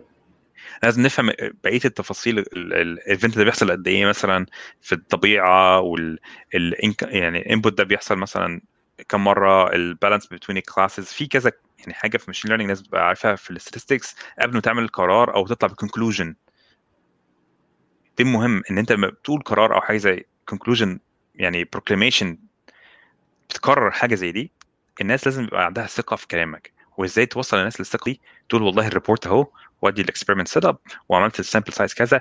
بعد كم مرة مش هيسألوك بقى على التفاصيل خلاص هم واثقين إن فلان ده خلاص فاهم كويس بيعمل إزاي. نفس الفكرة anecdotal دي تقريبا ال anecdotal bias تقريبا أشهر جملة بنسمعها اللي هو it works on my machine بالظبط. ما لسه حاطط ال comment بتاع عمر خطيب. الكود works on my machine اشهر أشهر جملة developers بيقولوا طول النهار بالظبط. فدي anecdotal يعني الصبح. وطريقه التفكير بتاعتي اللي هو أنا شفت X كذا مرة وحواليا كل الناس عاملة X يبقى هو أكيد X في كل حتة ثانية فدي برضه مرتبطة شوية بال generalization مرتبطة بال ال small sample size وطريقة التفكير على مجال اللي هو أنا اللي أعرفه هو الحاجة الموجوده واللي ما أعرفوش مش موجود. تمام. ممكن نكمل لو عايز يعني. لو... نكمل شوية؟ طب نكمل شوية. في حاجات برضو بنشوفها كتير في ال meetings وفي اتخاذ القرارات اللي هو appeal to authority أو اللي هو ال highest paid person opinion ال HiPPO فانا كان عندي HiPPO اللي هو السيد قشطة عندي في المكتب بتاعي في مايكروسوفت لأن كنا شغالين دايما على حاجات اللي هي ليها علاقة ب experiments وبنفهم القرارات بال data مش ب آه فلان مدير الاداره قرر كذا اللي هو يعني طبعا استفدت إيه؟ ما هو ما عندوش الدي... ما عندوش البيانات أو ال visibility اللي عندي بالظبط آه. آه. فكنا دايما الموضوع ده كان جامد جدا في لينكدين بصراحة ولذيذ جدا إن هو عندك فكرة طبقها وهتحط experiment وبتشوف تفاعل ال users معاها عامل إزاي وهي تستمر ما تستمرش based على ال data. فإيه ب... إيه بقى اللي بيخلي الموضوع ده لذيذ؟ إن اولا عندك democratization of decision making. ما عندكش حد بيقرر اللي هو لأ أنت تشتغل على كذا وانت تشتغل على كذا. ليه؟ لأن كلنا داخلين بمبدأ إن إحنا كلنا غلط وفي ناس أقل غلط من آخرين. بما إن إحنا إن إحنا ما نعرفش حاجة صح؟ بالزبط. يعني we're all wrong بس some people are less wrong than others. يعني الناس كلها على الأقل مت... معترفة إن إحنا إحنا ما عندناش أي إلهام جاي من السماء. إحنا بنحاول إن إحنا ن... ن... يعني نجرب حاجة ونشوف بنتائج objective ويعني data objective وبناء عليها هنحسن اللي إحنا عملناه. يا اما نرمي اللي إحنا عملناه اكتشفنا مش لازم بالزبط. لكن مش هنعتبر راي فلان هو الواقع لأن خلاص ما نفذنا رأيه ما عرفش النتيجة ما كانت regardless يعني إذا كان رأيه صح ولا غلط. والناس بتستخدم ال appeal to authority إن أنت بتاخد المعلومة في ضوء الشخص ده عمل إيه قبل كده وال title بتاعه إيه وليه authority ليه سلطة. فبتاخد القرار مربوط بيه ودي حاجة موجودة من زمان في الإقناع عامة persuasion art of persuasion اللي هو تقريبا أرسطو اللي طلع بيها اللوجوز والباثوس والايثوس فاللوجوز إحنا عاملين نتكلم فيها من الصبح ال logic. لو ال logic بتاعك سليم جميل. بس طلع إن في برضه ال ethos إن هو مين اللي بيتكلم؟ لما يكون حد مثلا عنده خبرة 20 سنة و VP ولا بتاع هتلاقي إن الناس بتستجيب أكتر. حتى لو نفس الفكرة بالظبط طلعت من واحد لسه طالع من الجامعة. ليه؟ عشان في ethos في credentials ده غلط. ده غلط في طريقة التفكير ده بي أصلا بيموت أفكار كثيره جدا بتحصل في ال low levels ما بتطلعش للسطح. ليه؟ لأن الناس ما بتعرفش توصل لأن ما عندهاش ال ethos المطلوبة. فالمطلوب إن ال leaders أو ال managers إن هم يسمعوا الكلام ده وي support ليه؟ لأن الفكرة في حد ذاتها كويسة بغض النظر عن ال ethos بتاعتك. آه. وطبعا ال pathos بقى دي حق يعني آه. قصة كبيرة جدا. اكتشفوا الناس إن أصلا معظم التفاعل مع الفكرة ليه علاقة بالمشاعر مش بالتفكير أساسا. فدي مشكلة جامدة جدا إن هو برضه هنا هتلاقي كذا حاجة مرتبطة بيها اللي هو ال appeal to fear واللعب يعني emotions والكلام ده كله. في category كامل على موضوع ال bias cognitive bias تدخل ال emotions فيه. وده للأسف اللي بيحصل إن معظم الأوقات أنت بيبقى العواطف الجياشة وطريقة التفكير بتبقى متلوثة أو متلخبطة عشان مثلا طريقة الدليفري أو الخطابة وال... وده مهم. يعني مش برضو مش بقول لك لا انت المفروض تقنع الناس كلها ان كلنا بقى إيه بيبقى rational beings ما دي فكرة دي الكتاب ده بيتكلم على إيه؟ بيقول لك ان انت ما ينفعش تتوقع آه ان الناس كلها rational فاعرف اللي بيحصل حواليك وفي نفس الوقت برضه تعامل مع الواقع كما هو.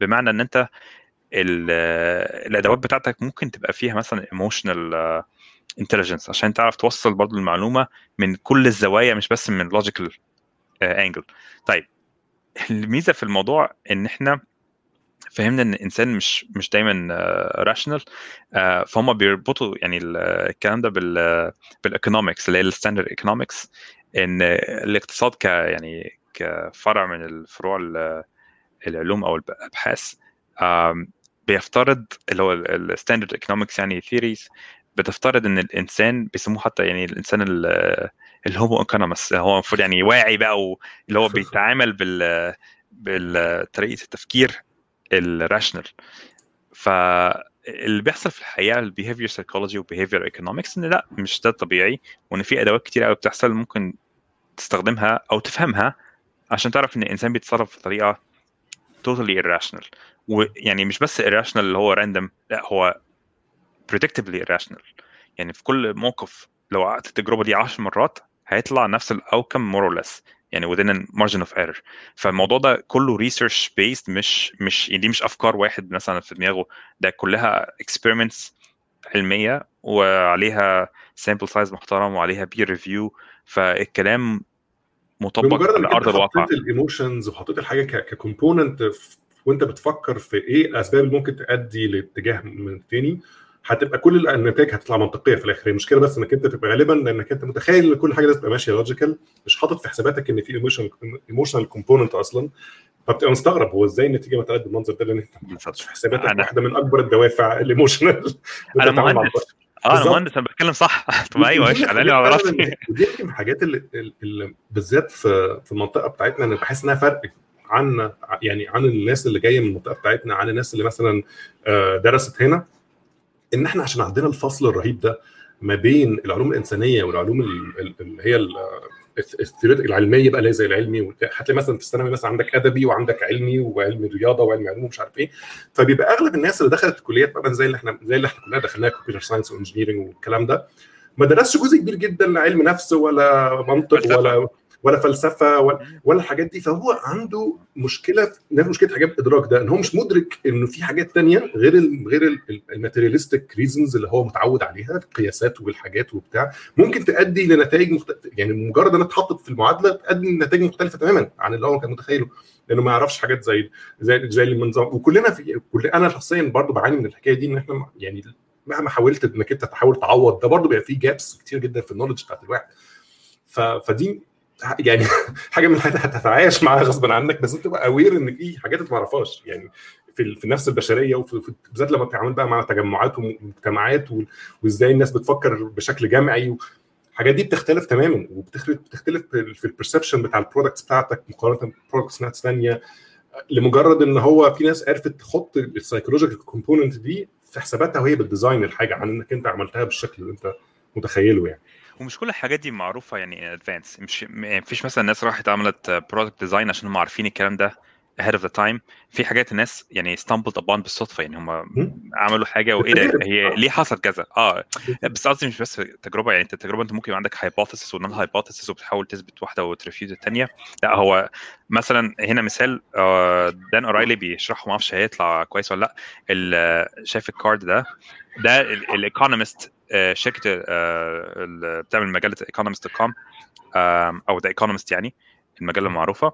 وده ال website بتاعهم Economist dot com وكان في two options أنت ممكن تشترك على ال website وتدفع 60 دولار أو تشترك على ال print بيجي لك المجلة الورق والويب وتدفع 125 طب ده حاجة كويسة. يعني ما فيش جدال عليها. يعني الموضوع واضح وصريح. يا اما يجي لك الويب بس ب 60 أو الاثنين ب 126 فقال لك طب إحنا إيه ال distribution لما عملوا التجربة يعني؟ أو الناس بتحب إيه أكتر؟ لقوا إن الناس بتحب ال online Economist dot com أكتر من الاثنين مع بعض ال print and web فعملوا حاجة لذيذة جدا. قال خلاص إحنا هنحط option ثالث وحطوا print بس يعني ال physical بس برضه 125 طيب إيه اللي حصل بقى؟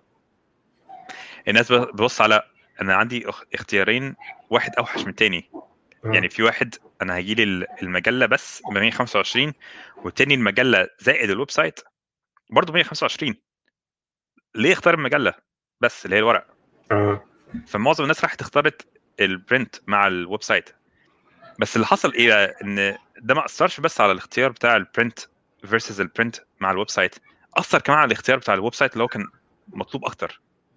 يعني المفروض ده ملوش علاقة خالص بالموضوع. يعني الراجل ده ما اتغيرش. المفروض اللي هيروح لل... لل website بس ما ما يعني ما اتغيرش في طريقة تفكيره. اكتشفوا بعد كده إن أنت لما يكون عندك اختيارين وبتقدم اختيار ثالث inferior أو أقل من واحد منهم بيخلي ال superior اللي هو فيه مثلا حتة زياده زيادة ببلاش أحسن من كل الباقيين بغض النظر. بالظبط. ودي بتلاحظها بقى في المواقع بتاعت السفر والمواقع بتاعت الأوتيلات ومش عارف إيه تلاقيهم حاطين لك لستة حاجات هم عارفين إن أنت هترميها،. محطوطة عشان ترميها آه. عشان تخلي ال options الثانية more attractive مش أكتر من كده يعني آه. كل الشركات including يعني برضه شركتنا مع عملنا pricing بنستخدم. نفس الموديل ده مشهور جدا برضه في ستاربكس مثلا لما تروح تجيب قهوة هتلاقي إن ال tall اللي هي ال- الصغيرة خلينا نتكلم ال standard size عشان ما نلخبطش حد ال small وال medium وال large هتلاقي إن ال small وال medium تقريبا في معظم الأحوال نفس السعر تقريبا. بالظبط. يعني الفرق بينهم صغير جدا. مثلا آه 10 سنت حاجة. مين آه مين هيروح مثلا بدل آه، ب- مثلا 50 خلينا نتكلم مثلا في مصر 50 جنيه ومثلا آه، 45 جنيه. مين هيروح يشتري الصغيره 45 وممكن يجيب واحدة قدها مرتين مثلا ب 50 فهم لنا كده ك option اللي هو أنت ترميه هو غالبا أصلا اللي بيحصل إن الباريستا وهو بيعمل ال coffee هي هي نفس ال material اللي بتستخدمها ونفس زيادة. لا هو يعني آه، بشوف دايما بي... للأسف بيرموا اللبن الزيادة. فهم. متعودين دايما يعملوا medium ما أعتقدش إن حد في عقله ال- البورشن sizes بالظبط هي مظبوطة على كده أصلا أغلب ال موجودة بحيث إن ال grande أو ال medium ده هو ال option ال default اللي هتروح له عينيك لأن الكبير أغلى بكتير والصغير قريب منه جدا فمعظم الناس automatically أنت بتقول لهم زي nudge في كتاب تاني برضه حلو اسمه Nudge بيتكلم في الموضوع دي إزاي تعمل decision making أو design إن أنت تخلي الناس تروح اتجاه معين انت عاوزه.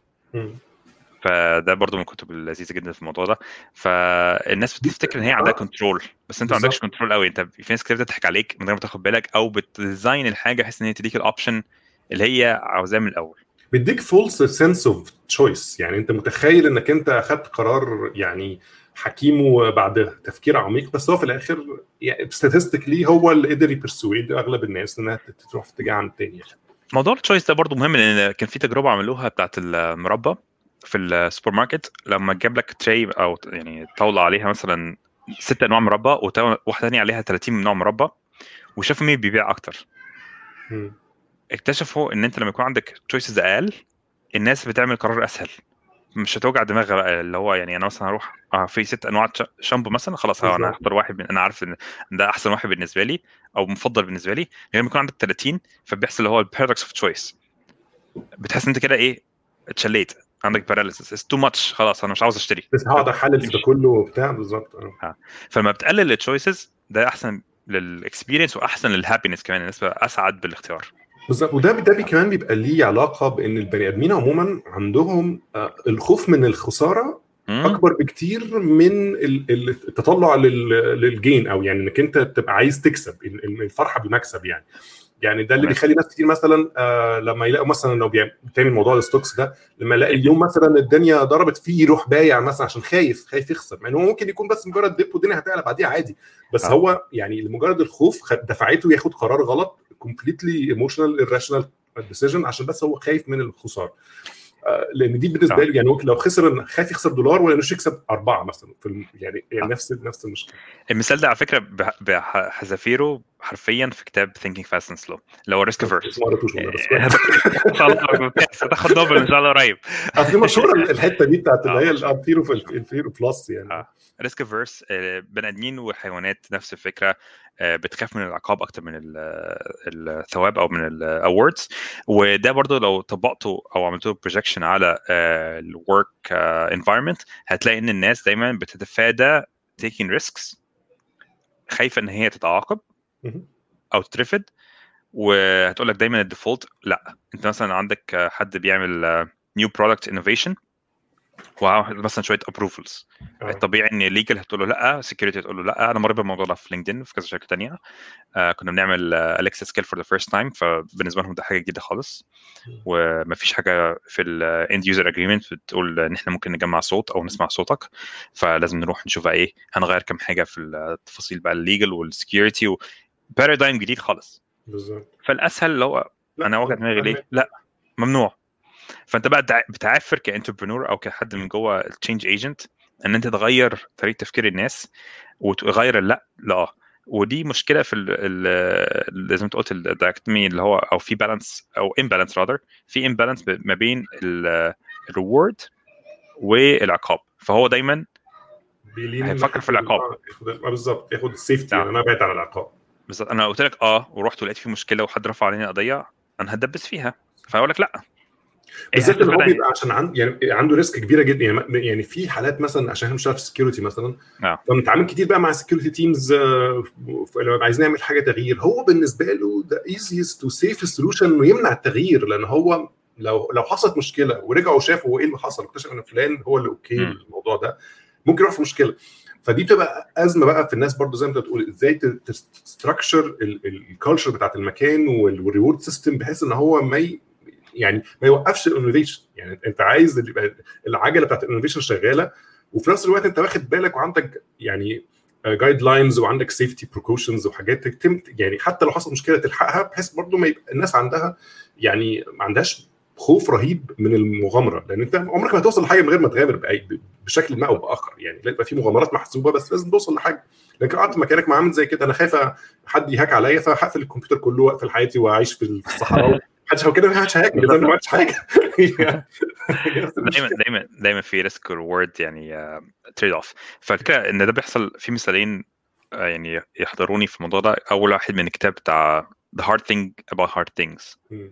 بتاع Horowitz I think فبيحكي عن إزاي كان بيدي تقريبا session لل CEO وال executive team بتاعه وقال لك لو أنت عندك ال probability مثلا إن أنت تطلع project وال success rate بتاعك 10% مم. يعني ال probability إن هو ينجح 10% خلي بالك أنت قاعد معاك ال CEO ومثلا 15 executive كل واحد مسؤول عن department فيها كذا ألف موظف. فالطبيعي إن الناس بتبص عليه اللي هو إيه 10% أنا مش هوجع دماغي.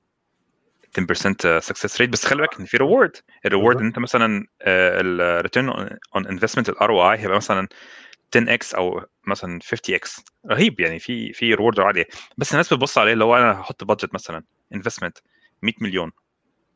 وفي 10% chance of success. لا شكرا. أنا كده المدير هيعاقبني لأن أنا هخسر 90% من الوقت. فال CEO قاعد ورا عمال يضرب اخماسا في أسداس وبيتحسر على طريقة التفكير ليه؟ هو بالنسبة له في 15 واحد في الأوضة واحد منهم أكيد هيكسب.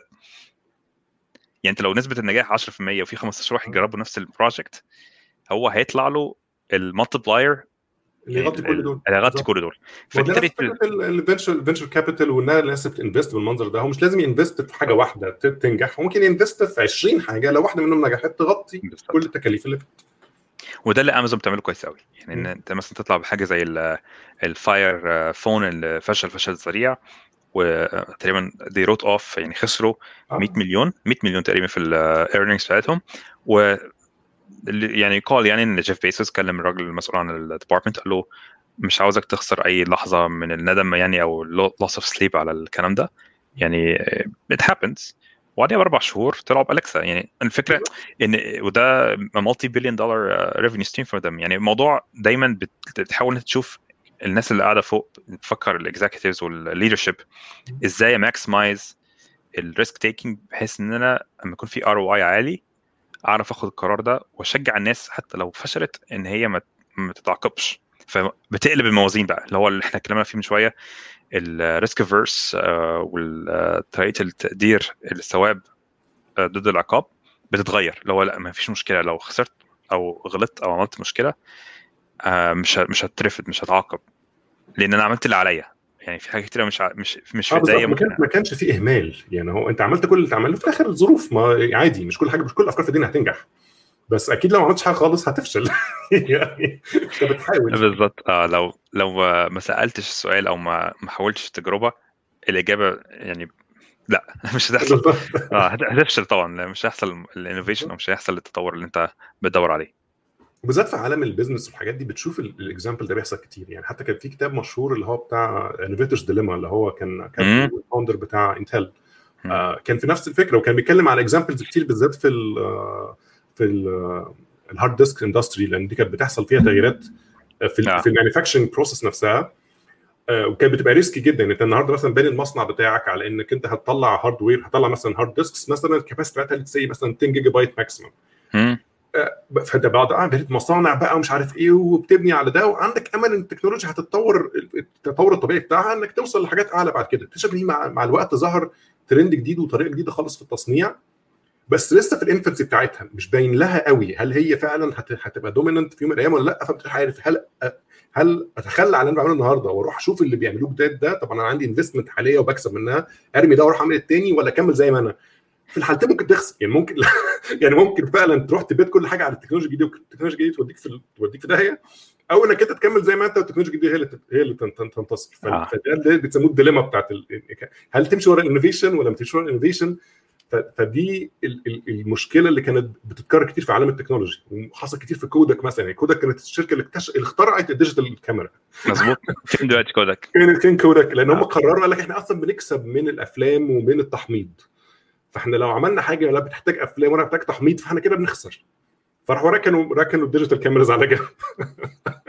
في الآخر لا الناس تحتاج التحميض ولا الناس تحتاج الكاميرات عندي وده ده يعني لما إحنا كنا بنتكلم على ال loss aversion أنا دلوقتي بعمل sharing لل screen loss aversion وال zero risk والكلام ده كله.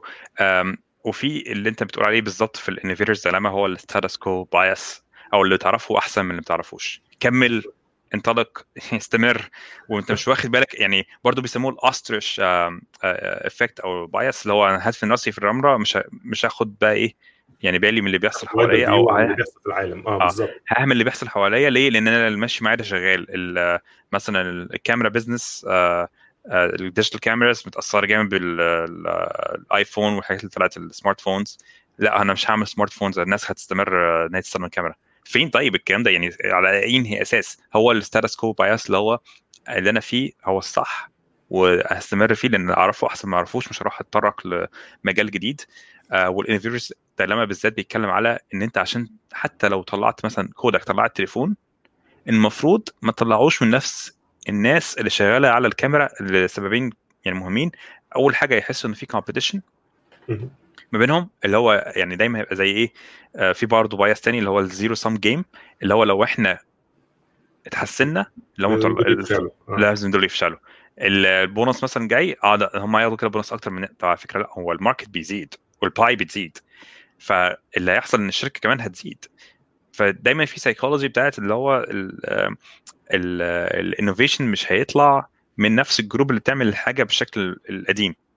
لأن هم متدربين على طريقة تفكير معينة ودايما في bias اللي هو لأ أنا أنا عاوز الحاجة دي تحت ال control بتاعي وال innovation محتاج حاجة أسرع في طريقة التعامل أسرع مثلا في طريقة التنفيذ بمعنى مثلا إن أنت لو عندك زي Kodak كمثال وبتعمل smartphone ال market مختلف ال target market مختلف طريقة التنفيذ مختلفة. هم عندهم كمان appetite for risk taking أعلى بكتير من ال appetite بتاعت الشركة الكبيره اللي هي بتورد مثلا لملايين المستخدمين الكاميرات. ففي مثلا quality control process معينة في حاجة بطيئة شوية بس هم okay لأن هم بيعملوا الفلوس بشكل آخر.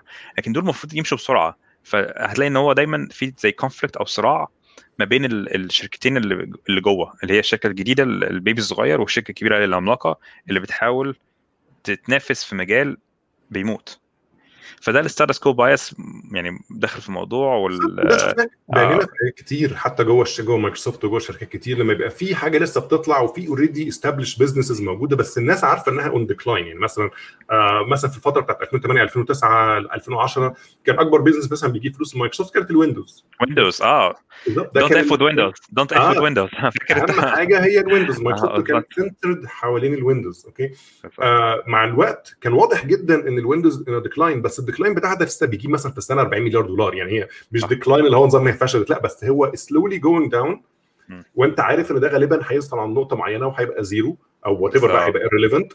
فمحتاج تبني حاجة تانية تلحق قبل ما يعني عبال ما دي توصل لمرحلة خلاص ال decline بتاعها بقى imminent يبقى في حاجة تانية علت تاخد مكانها. أوكي فمثلا حاجة زي Azure مثلا أو حاجة زي كده لما. ابتدت الشركة كان ده الهدف إن أنت تلحقها يعني تلحق ويمكن هم يعني جت معاهم بالصدفة بس يعني آه. إنها لحقت فعلا تمسك في ال في ال ال ال ال تمسك الشركة قبل ما خلاص حاجات زي الويندوز والكلام ده يبقى irrelevant اهمال آه إهمالك لل trends اللي حواليك أو تغاضيك أو تغفلك أنت بتغمض عينيك عن اللي حواليك ده اللي هو ال ostrich effect ومن الاستراتيجي يعني formulation اللي هو ال Porter's five forces دايما بتبص على ال trends اللي حواليك internal و external بتبص للناس اللي بره بتعمل إيه ليه ال users دلوقتي عندهم expectation Apple. طلعت إن ال operating system ينزل ببلاش.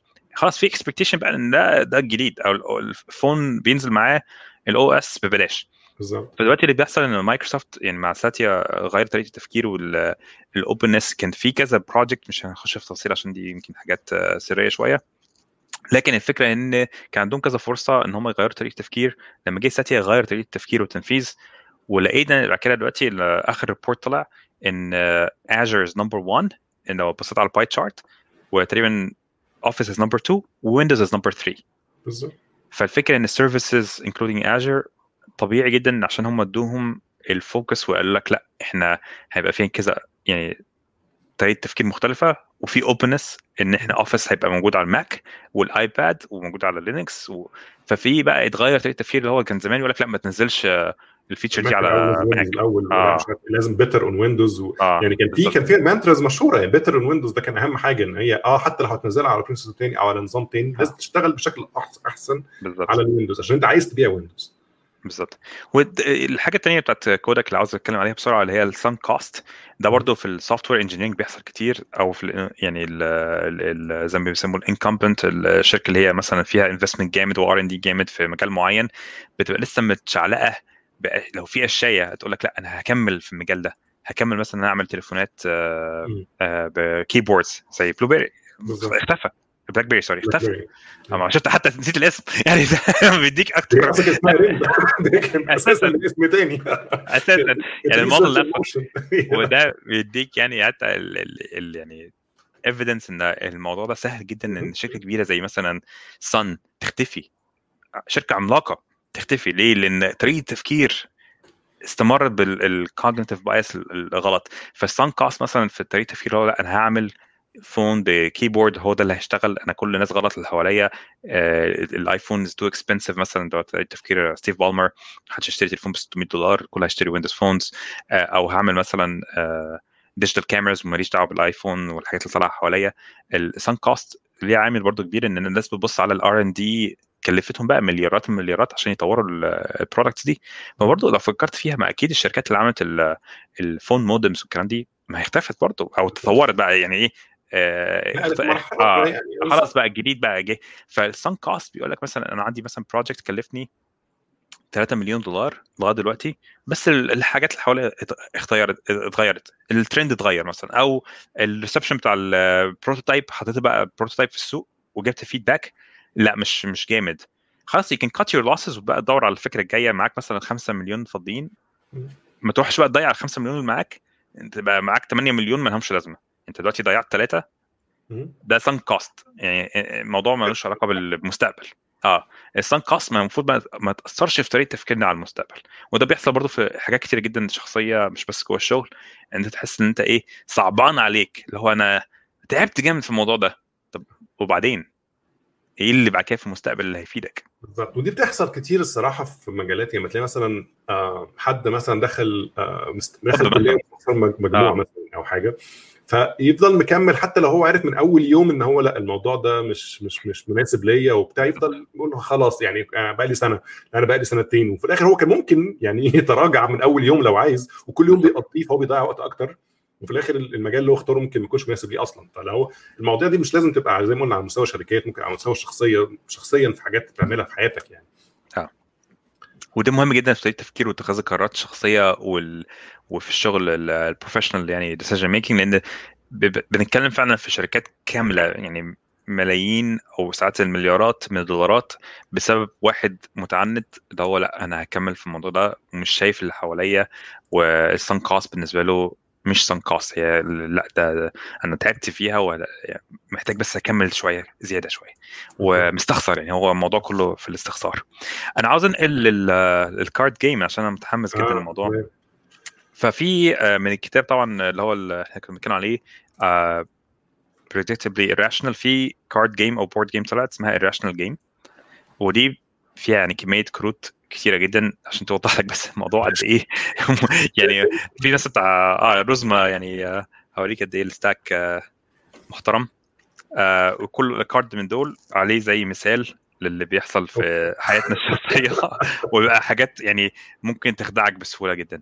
فأنا اخترت منهم تقريبا 13 واحد أعتقد مناسبين لل decision making discussion ولو جيت على أول سؤال. إحنا اتكلمنا في كذا حاجة يعني في آه، تعريف ال bias وكمية آه، آه، مواقف حصلت ممكن تفيدنا شوية في في حل الأسئلة. فتعالى مثلا نشوف كده أول سؤال. ولو ده يبقى interactive يبقى لذيذ. ما أعرفش ممكن الناس تقول لنا. إيه التخمين بتاع الإجابة بتاعتهم.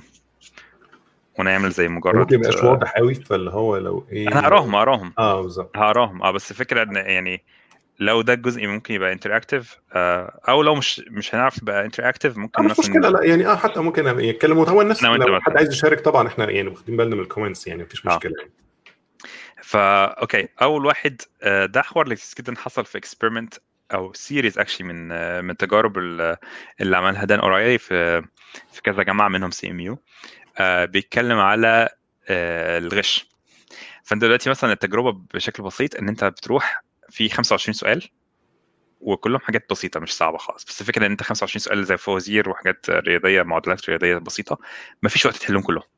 هم عملوهم بحيث إن أنت يعني ممكن تحل خمسة في الخمس دقائق وبقية ال 15 مش هتعرف أو بقية ال 20 مش هتعرف توصل لها بس ال twist يعني أو ال- التجربة في الموضوع إن هو بيقول لك إحنا مش هنحاسبك أو مش هن... مش هنعمل لك grading مش هنصلح لك الورقة أنت هتاخد الورقة دي تحطها في جيبك وتقول لنا أنت حليت كام واحدة صح. مم. فبسيط خالص الناس ممكن تغش. يعني آه. الموضوع مش ما فيش أي آه، يعني مرا- مراقبة خالص على الموضوع. وعلى فكرة دي من الحاجات اللي برضه من الحاجات ال shocking شوية في culture shock لما جيت آه، اخدت أول class اللي هي في ستانفورد رحت أول امتحان midterm ولقيت ال- آه، المعيدين دخلوا ووزعوا الورق. والقاعة كبيرة فيها مثلا بتاع 600 واحد. وبعد ما وزعوا الورق واحد قال شوية حاجات على السبورة يعني الوقت ومش عارف إيه وكده وقال خلاص يا جماعة لو عاوزين أي حاجة إحنا بره مش بره ضميركم ما هو فعلا ده كده. يعني هو ال honor code مهم جدا في ستانفورد بحيث إن أنت آه، يعني أنت قاعد هو واثق فيك إن أنت مش هتغش. معاك موبايلك معاك اللابتوب معاك الكتاب مش دي الفكرة. الفكرة إن أنت مش هتغش.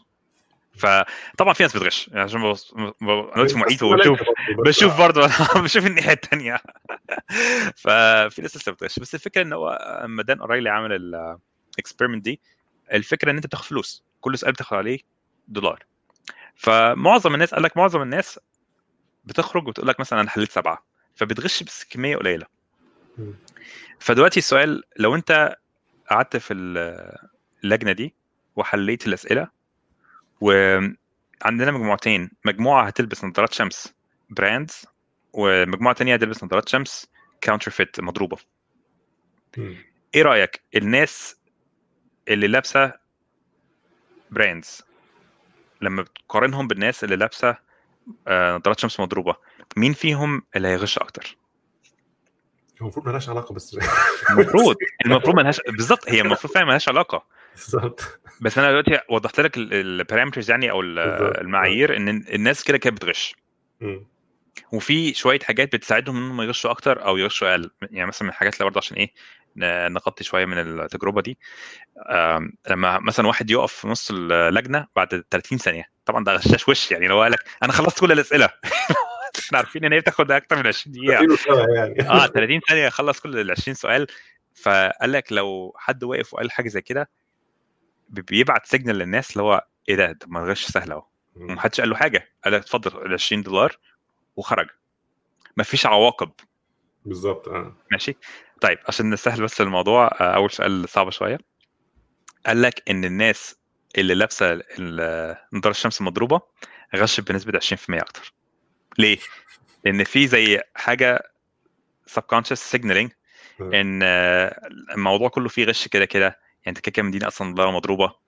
يعني آه. مثلا يعني اللي هو أنت يعني كده اللي أصلا يعني الموضوع يمكن- دي حاجة أنا لما كنت أنت اللي مديهم نظارات من أول مضروب عارفين إن هم مضروبة. آه. مضروبة. أنت مثلا بتديله اللي هو إيه يعني آه، نايكي باتنين ايز فاهم؟ اللي هو باين قوي إن أنت أصلا كده كده البيئة اللي أنت فيها صوره الكود أساسا فاللي هو يعني مش مشكلة. بالظبط. الاثكس مش موجودة أساسا في الموضوع إيه آه، كله شغال يعني بيس طيب آه، السؤال التاني بقى. آه، التجربة دي بتحكي عن آه، برضو دان أورايلي كان بيدي هو مش في الشعر ملوش في اللقاء ولا خطابة ولا أي حاجة خالص فقال لك دلوقتي لما يكون في ambiguity يعني إيه. ambiguity دي مهمة جدا برضو للناس اللي بتعمل حاجة جديدة سواء project جديد product جديد أو startup في حاجة لسه طالعة جديدة مثلا حاجة اوبر مثلا مبهمة لسه مش باين لها آه مش يعني. مش باين لها معالم ملهاش تسعيرة مثلا في السوق آه. تمام مفيش مقارنة مفيش precedent زي ما بنقول فقال لك أنا هعمل إيه؟ تجربة experience مش تجربة عفوا يعني experience مبهمة للناس هم مش عارفين هم هي- هيوصل لهم إيه أو هياخدوا إيه أو هيستفيدوا إيه. فأنا هروح أعمل زي إلقاء لقصيدة وأقسم ال class two groups وهو هي هيدي إلقاء لثلاث قصائد. واحدة قصيرة واحدة متوسطة واحدة طويلة. ال group الأولانية آه، خلينا نقولهم عليهم group A قال لهم في كل واحدة من دول التل... من الثلاث قصائد تدفعوا لي كام عشان ألقيها عليكم؟ وخلي بالك الناس دي ما تعرفش هو أصلا طريقة إلقائه عاملة إزاي ولا هل دي هتبقى تجربة ممتعة ولا لأ.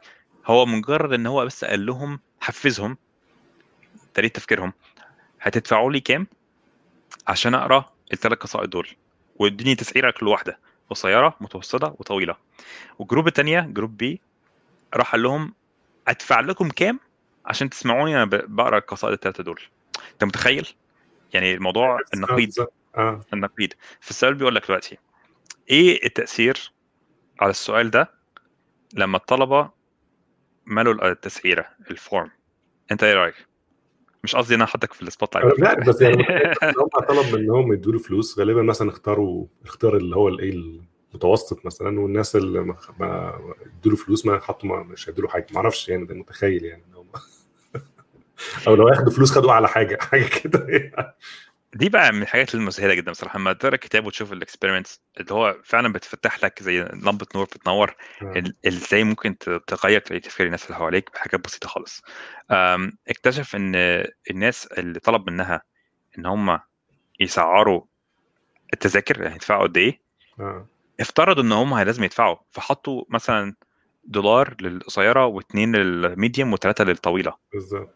والتانيين برضو افترضوا إن هم ياخدوا فلوس فحطوا برضو يعني أرقام موازية متشابهة بس الفكرة إن أنت لو فكرت فيها هو- negative يعني أنت واحد ده بيدفع والتاني بيدفع له مش بس negative ده double يعني أنت ال- الدلتا منهم يعني مثلا الفرق ما بين واحد هيدفع ثلاثة فأنت واخد ستة.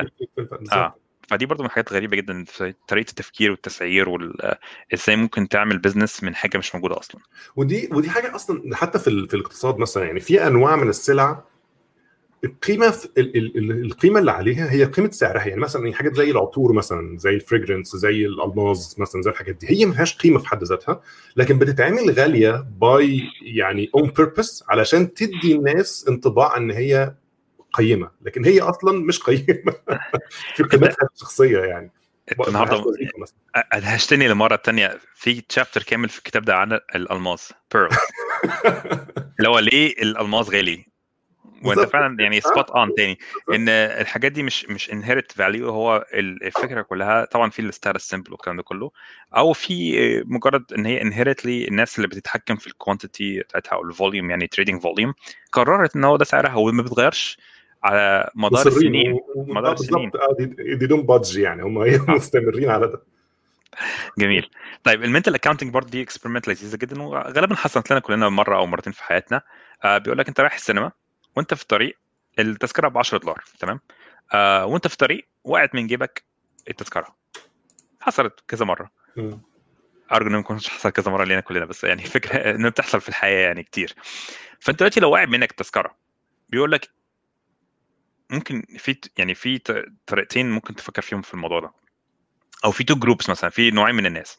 في نوع من الناس وقعت منه التذكرة وهو رايح الطريق إلى ال- ال theater يعني أو السينما وال group الثاني وقعت منه من جيبه الثاني 10 دولار بعد ما تقع التذكرة نفسها وقع ورقة نقدية بنفس قيمة التذكرة. آه. بيقول لك دلوقتي لما تروح السينما هل هتشتري تذكرة جديدة ولا لأ؟ وهل ال- اللي وقع منك هيأثر على طريقة تفكيرك ولا لأ؟ هل لما يقع منك التذكرة نفسها هيأثر على طريقه قرار اتخاذ قرارك في شراء تذكرة جديدة ولا لأ؟ فالفكرة الفرق الوحيد انه يا إما بيوقع منك ورقة ب 10 دولار أو وقع منك الورقة اللي عليها تذكرة. التذكرة. طيب تعتقد أنهي واحد هيبقى متأثر أكتر إن هو هيشتري أو ما يشتريش؟ التذكرة الجديدة. غالبا ال- مش عارف اللي وقعت منه تذكرة هيبقى عايز يشتري واحدة تانية مش عارف مش متخيل. ما أعرفش الصراحة. مش عارف. قال لك إن الناس اللي وقعت منهم آه، نص الناس اللي وقعت منهم التذكرة؟ تمام؟ مم. آه آه ماشي. الناس الناس نص الناس اللي وقعت منها التذكرة هي اللي اشترت أكتر التذكرة الجديدة. طب حلو. عن اللي اشترى عن اللي وقع منه الفلوس. لأن ده في حاجة اسمها mental accounting زي ما يكون عندك جاية budget لل ticket و10 دولار تانية ممكن تعمل بيها أي حاجة تانية. آه.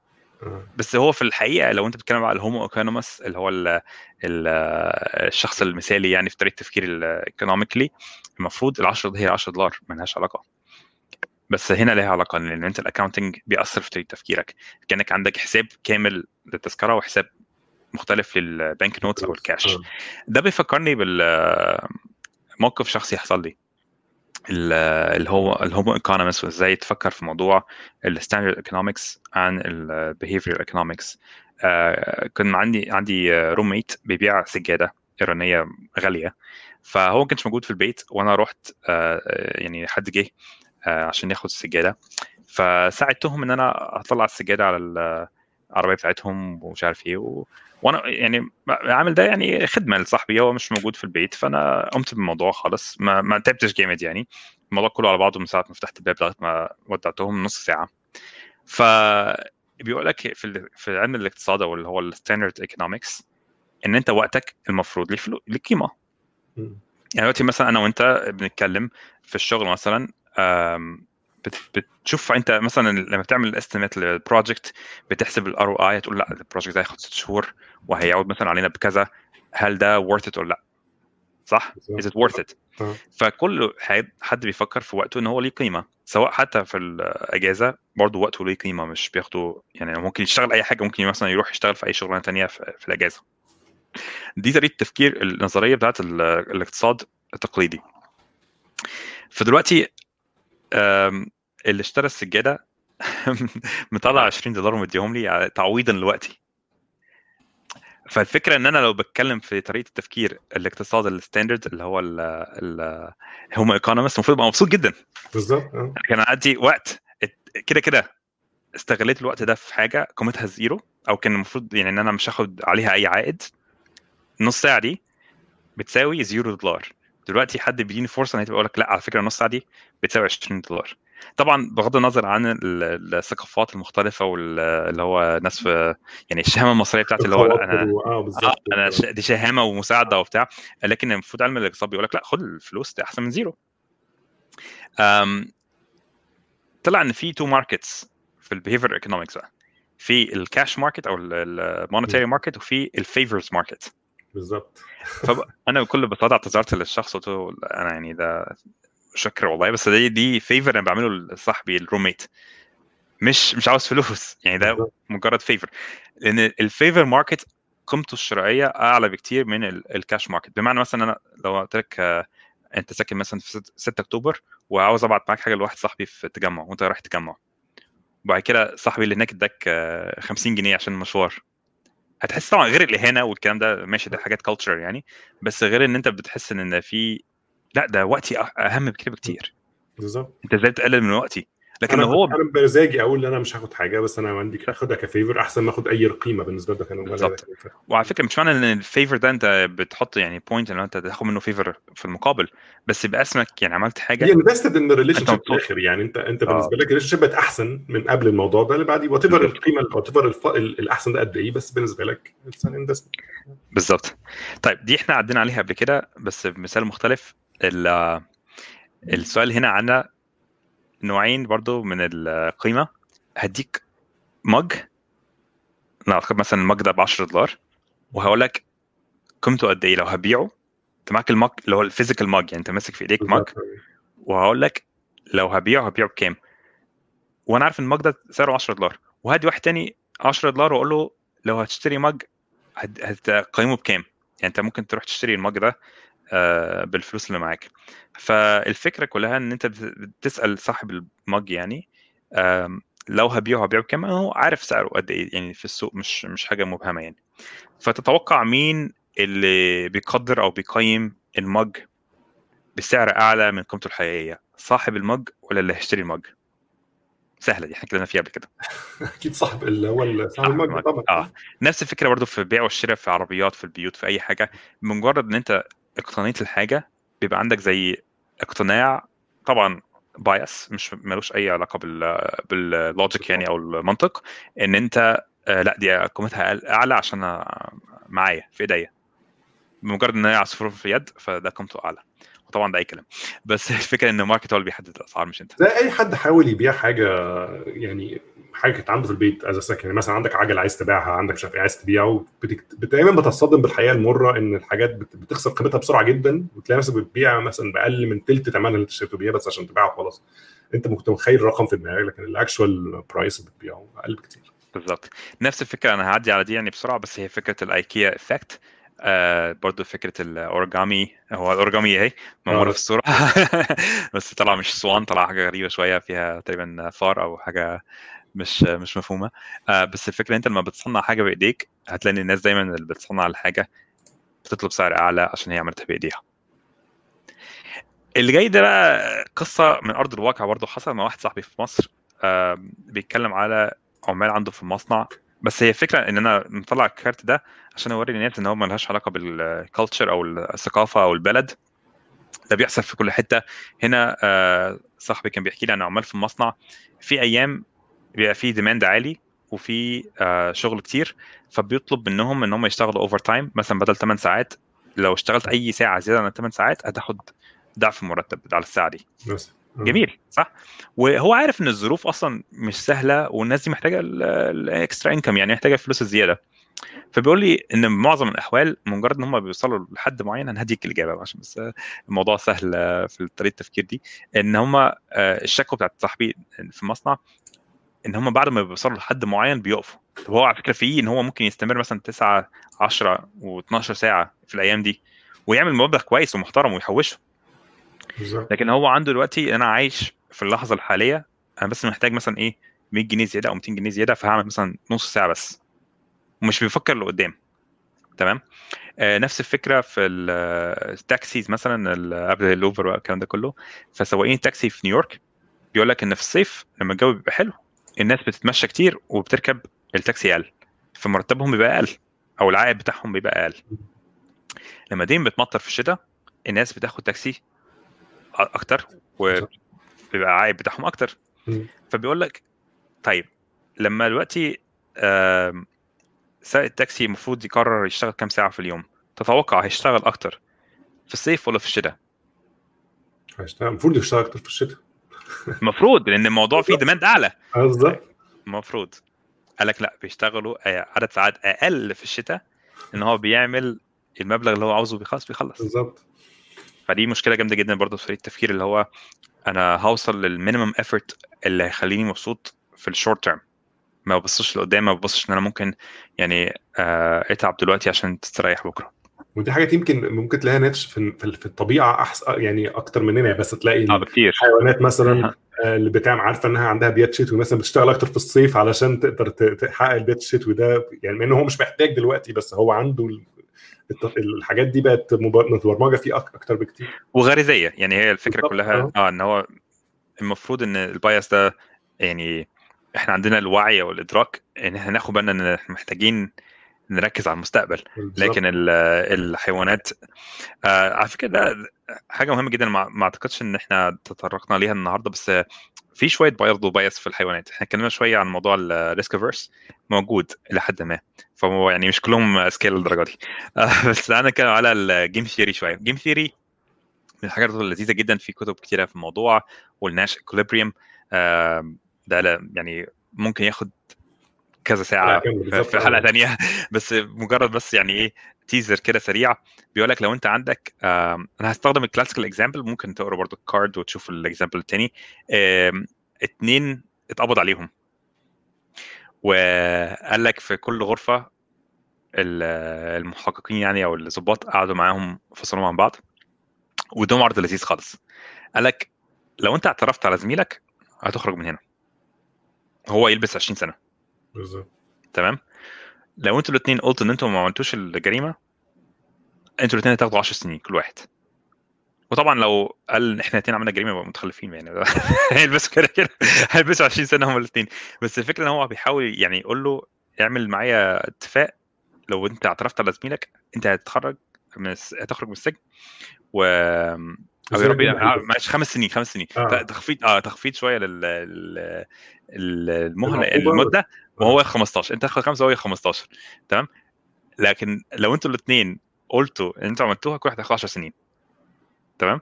فهو عنده دلوقتي اختيار يا إما ياخد مخاطرة إن هو يعترف عن زميله على زميله وزميله كمان هو يعترف عليه فهم الاثنين العقوبه تبقى 10 سنين. أو هو يعترف ياخد خمسة وزميله ما يعترفش ياخد 15 أو الاثنين يعملوا آه يعني آه denial أو يرفضوا الاعتراف.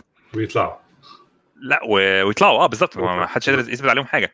صح انت صلحت لي ال outcomes فالفكرة بقى هل أنت تثق في الراجل الآخر أو الشخص الآخر اللي ارتكب الجريمة إن هو مش هياخد ال option الاحسن له اللي هو الاناني صح؟ بالظبط. إن هو يعترف يعني إن هو يعترف على زميله. لأن ده آه. ال option الأناني. فالفكرة دلوقتي السؤال هل أنت شايف إن آه إيه الأسهل إيه الأحسن ليك كواحد من المجرمين يعني؟ هل أنت تعترف وتاخد أو تعترف يعني تدل على تعترف على زميلك وتاخد ال outcome حكم أقل. أقل؟ أو انك أنت تنكر على ال risk الكبير إن زميلك كمان ينكر. بالظبط. هل تثق فيه ولا لا؟ من الآخر ده السؤال الصح يعني. هل أنت واثق هل أنت هتلعب collaborative game ولا هتلعب winner takes all game أو competitive game آه. ما بالظبط. يمكن أنا معلش butchered شوية يعني بهدلت القصة شوية بس مشهورة يعني قصة مشهورة يعني شوية. آه اللي عايز يبص عليها أنا عارف في ناس عم بتقول يحتاج نعمل zoom in هي بس هي كده كده ال card محطوط ك example لكن هو يعني اغلب اللي بنتكلم فيه ده سهل تلاقيه. آه المشكلة بس لما بن zoom in مش كل ال card هيبان مش هيبان. آه مش هيبان. فبس يعني ممكن ن zoom in عادي يعني مش مشكلة. بس هي الفكرة دي حد أعتقد يمكن الدحيح كان عمل حلقة عن الموضوع ده تحديدا آه بالظبط صح صح آه. عندك حق. game theory عامة مشهورة جدا. وهنا السؤال سهل خالص اللي هو يعني سيبك من السؤال بتاع السجن والعقاب. الموضوع حتى في العلاقات الشخصية وفي علاقات الشغل هل أنت ممكن ترمي حد قدام القطر أو تحت الأتوبيس زي ما بيقولوا لمجرد أنت تكسب موقف واحد ولا تفكر في المستقبل وإزاي إن أنت مع تعدد المواقف هتحتاج له وهو هيحتاج لك؟ من الآخر.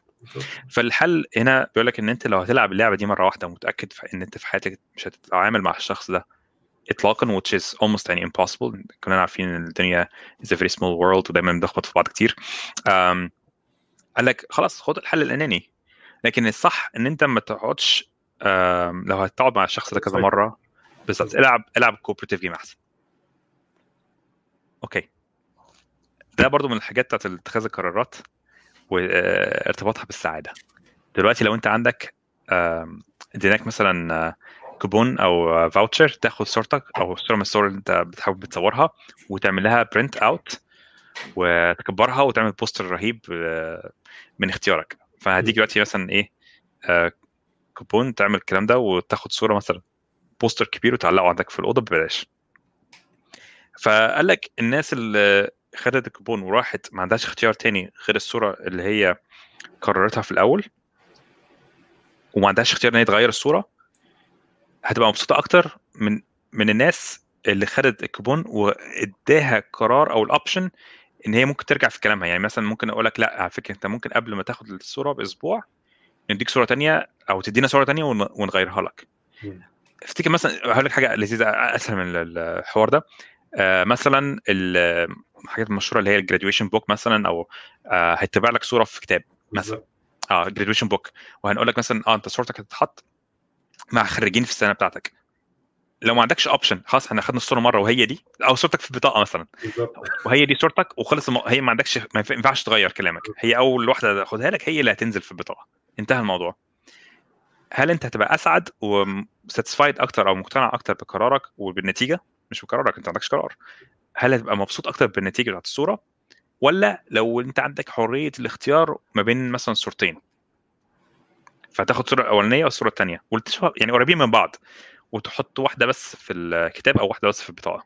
تتوقع أنهي جروب أسعد اللي عندها حرية الاختيار ولا اللي مجبره تاخد الصورة؟ هو غالبا هتلاقي اللي عنده حرية اختيار أكيد مش هيبقى أسعد يعني. جواب نهائي؟ صح. دي.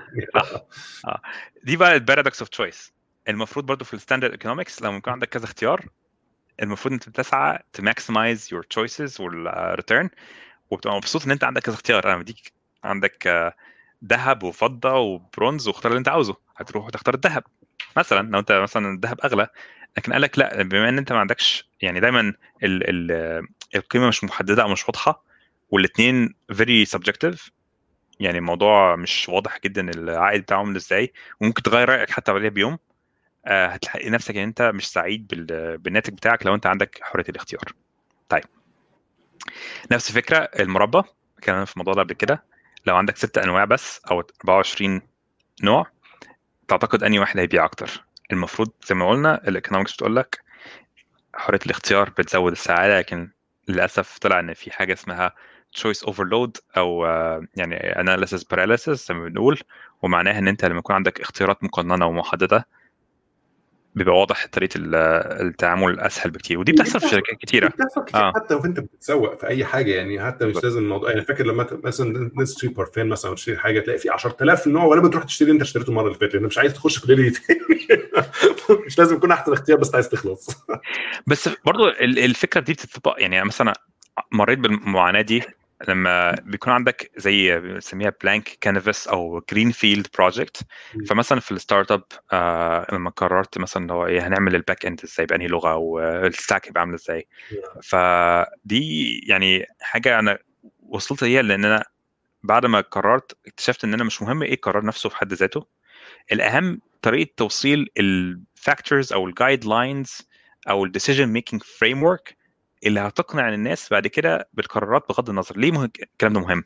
لما انت مثلا تكون manager أو senior manager أو director هيبقى عندك اسطمبة معينة أو framework من طريقة صناعة القرار لأن هيبقى عندك قرارات كتيرة جدا في مجالات كتيرة جدا ولازم تبقى عندك زي طريقة مفصلة مش عشان أنا قلت كده يبقى هو ده الصح. وده برضه بيرجع للإيه؟ إزاي اوصل للقرار نفسه؟ إزاي إزاي بالظبط. آه. فتقنع الناس اللي حواليك. على فكرة إحنا عندنا framework مش مهم إيه القرار بحد ذاته بس عندنا مثلا إيه priorities معينة we have to meet زي مثلا number one security number two correctness. فشوف اختار مثلا إيه سواء بقى database engine سواء لغة programming سواء IDE مش مهم إيه الحاجة اللي بتدور. عليها. آه عندك framework معينة بتطبق عليها القرارات المعايير بتاعت القرارات وبتشوف ال parameters إيه اللي بتوفق لك أحسن قرار. فمثلا لو حد جه اقترح النهارده على فكرة إحنا عاوزين نكتب ال service دي using جافا تعال نتكلم. إيه المعايير؟ طيب security كذا. uh, correctness ماشي. velocity of uh, iteration أو speed of iteration. دي مهمة لأن أنت في ال startup عندك دايما you're churning new features. آه فلازم تعرف ال- الثقة بتاعت لما تطلع حاجة أنت واثق في الحاجة دي tested كويس ولا لأ. والكود maintainable ولا لأ وسهل تغير فيه ولا لأ. فالموضوع بي- بيبقى تفاصيل طريقة تنفيذ القرار أو اتخاذ القرار مش ليه القرار ده كويس. هو أي قرار بعد كده تاخده. إزاي؟ بيتاخدوا إزاي؟ فالفكرة في ال- ال- الموضوع ال choices دي إن أنا في الأول كان ممكن نختار سي شارب لأن أنا لسه راجع more familiar معاها آه. familiar أو جافا لأن كنت في لينكدين بعمل جافا لمدة سنتين. فطبيعي إن لو أنت عندك فعلا زي ما أنت قلت ال bias على ال status quo أو كذا نوع من أنواع ال bias الثانية اللي تعرفه احسن ما تعرفوش ممكن تفكر بيه بالموضوع ده. بس تركنه بقى على جنب. لو أنت عندك الفكرة بتاعت آه، اتخاذ القرارات إن أنت توصل زي مانيفستو كده أو guidelines وتشوف إيه ال trends وتشوف إيه الحاجات اللي هتأهلك إن أنت تنفذ الحاجة ال goals بتاعتك أو ال framework بتاعتك تبقى satisfied إلى أقصى حد ممكن. فإحنا رحنا بعد ال- الكلام ده وقلنا لأ خلاص هنعمل جو مش هنعمل أي حاجة من الحاجات التانية لأن إحنا مثلا عندنا constraints مثلا زي hiring مش سهل أنت تلاقي سي شارب ديفلوبرز في ال Bay Area أو في Silicon Valley آه مثلا. فدي حاجات مهمة في يعني في الظروف اللي أنت فيها ومع اختلاف الظروف بتغير أو بت morph أو بت evolve ال framework نفسها. بس أهم من ال framework أهم من sorry من القرار نفسه ال framework تكون موجودة وواضحة للناس. ليه؟ لأن أنت مش محتاج بعد كده تقول إن أنا عشان I said so ده اللي هو ال highest paid person opinion أو uh, يمكن أوحش من كده اللي هو ال circular logic اللي هو آه إحنا قلنا جو عشان مكتوبة في الكتاب أو في المانيفستو إن القرار هو جو لأ هو القرار مش جو القرار هو إن جو كان داخل معاه كذا option تاني وده اللي نجح. ف... ممكن تحقق المعايير ساعتها. ممكن مع الوقت المعايير تتغير أو يعني الواقع يتغير حاجات تانية تحقق المعايير. بالظبط. فده ال circular logic أو الفكرة إن أنت بتشوف مثلا إيه هو ليه ده صح؟ قال لك عشان آه مثلا جيش قال كذا أو مثلا عشان مكتوب في ال في ال document إن ده الصح. تبص على الدوك... مين اللي كتب ال document أنا أصلا. فلو يعني أنا كده بقول لك because I said so يعني ما دي فكرة ده مش مقنع خالص. طيب نرجع تاني لل card بسرعة. ونشوف المثال ده على ال extreme couponing هديك برضو كوبون آه تخش بيه المحل تشتري حاجة من جوه أو تشتري حاجة وأنت واقف بره؟ وعلى فكرة ممكن تخش وتطلع تاني يعني مش لازم يعني لو لو دخلت ممكن تخرج تاني وتغير رأيك. لكن هديك حاجة كوبون يا إما آه تشتري حاجة من بره تقريبا ب 6 دولار أو في كذا اختيار فمش هخش فيهم كلهم يعني الفكرة بس هو الفكرة كلها يا إما حاجة من ب... تشتري حاجة من بره آه لا يعني الكوبون مش هيتطبق إلا إذا اشتريت. حاجة ب 2 دولار بره أو ب 2 دولار جوه ب 6 دولار بره أو ب 6 دولار جوه تمام؟ فالفكرة كلها إن أنت آه لما تدفع يا إما 6 دولار أو 2 دولار يا إما جوه أو بره هترجع هيرجع لك 1 دولار من اللي دفعته. إيه بقى اللي بيحصل؟ ليه ليه في بايس في الموضوع ده؟ انت أصلا المفروض عندك حرية الاختيار تختار ما بين أربع حاجات ويا إما بتدفع بره يا إما بتدفع جوه. أو يعني بتشتري حاجة من بره أو تشتري حاجة من جوه. دي مش واضحة شوية بس الفكرة إن ال average price أو يعني المتعارف عليه المتوسط يعني إن الحاجة من جوه المحل ب 4 دولار.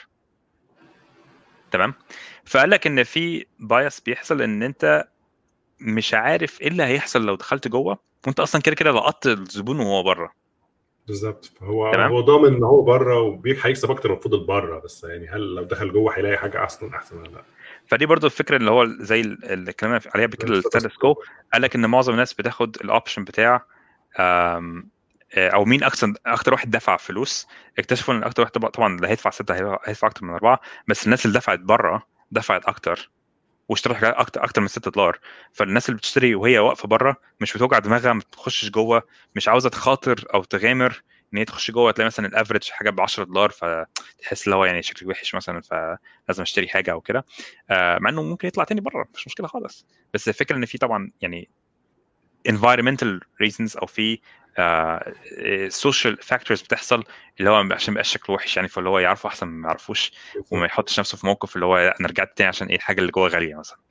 فبرضه ال standard economics المفروض ما بتعتبرش الحاجات دي في اعتباراتها في الدراسة بتعتبر بس القيمه يعني the real value of the money ما لهاش علاقة بقى بالبرستيج والكلام ده كله.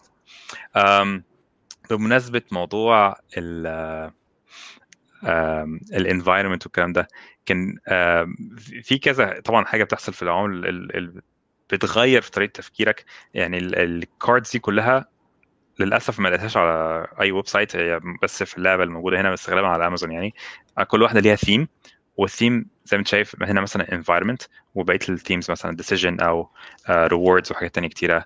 فال themes دي بتتطرق لمواضيع خارجة عن الموضوع الأساسي اللي إحنا بنتكلم فيه اللي هو ال cognitive bias أو decision making لكن المهم إن إحنا نعرف إن المجالات دي بتشوفها في كل حاجة. زي ما انت قلت اللي هو discounts بتحصل مثلا وبيضحكوا علينا إزاي إن إحنا نشتري حاجات إحنا مش محتاجينها أصلا.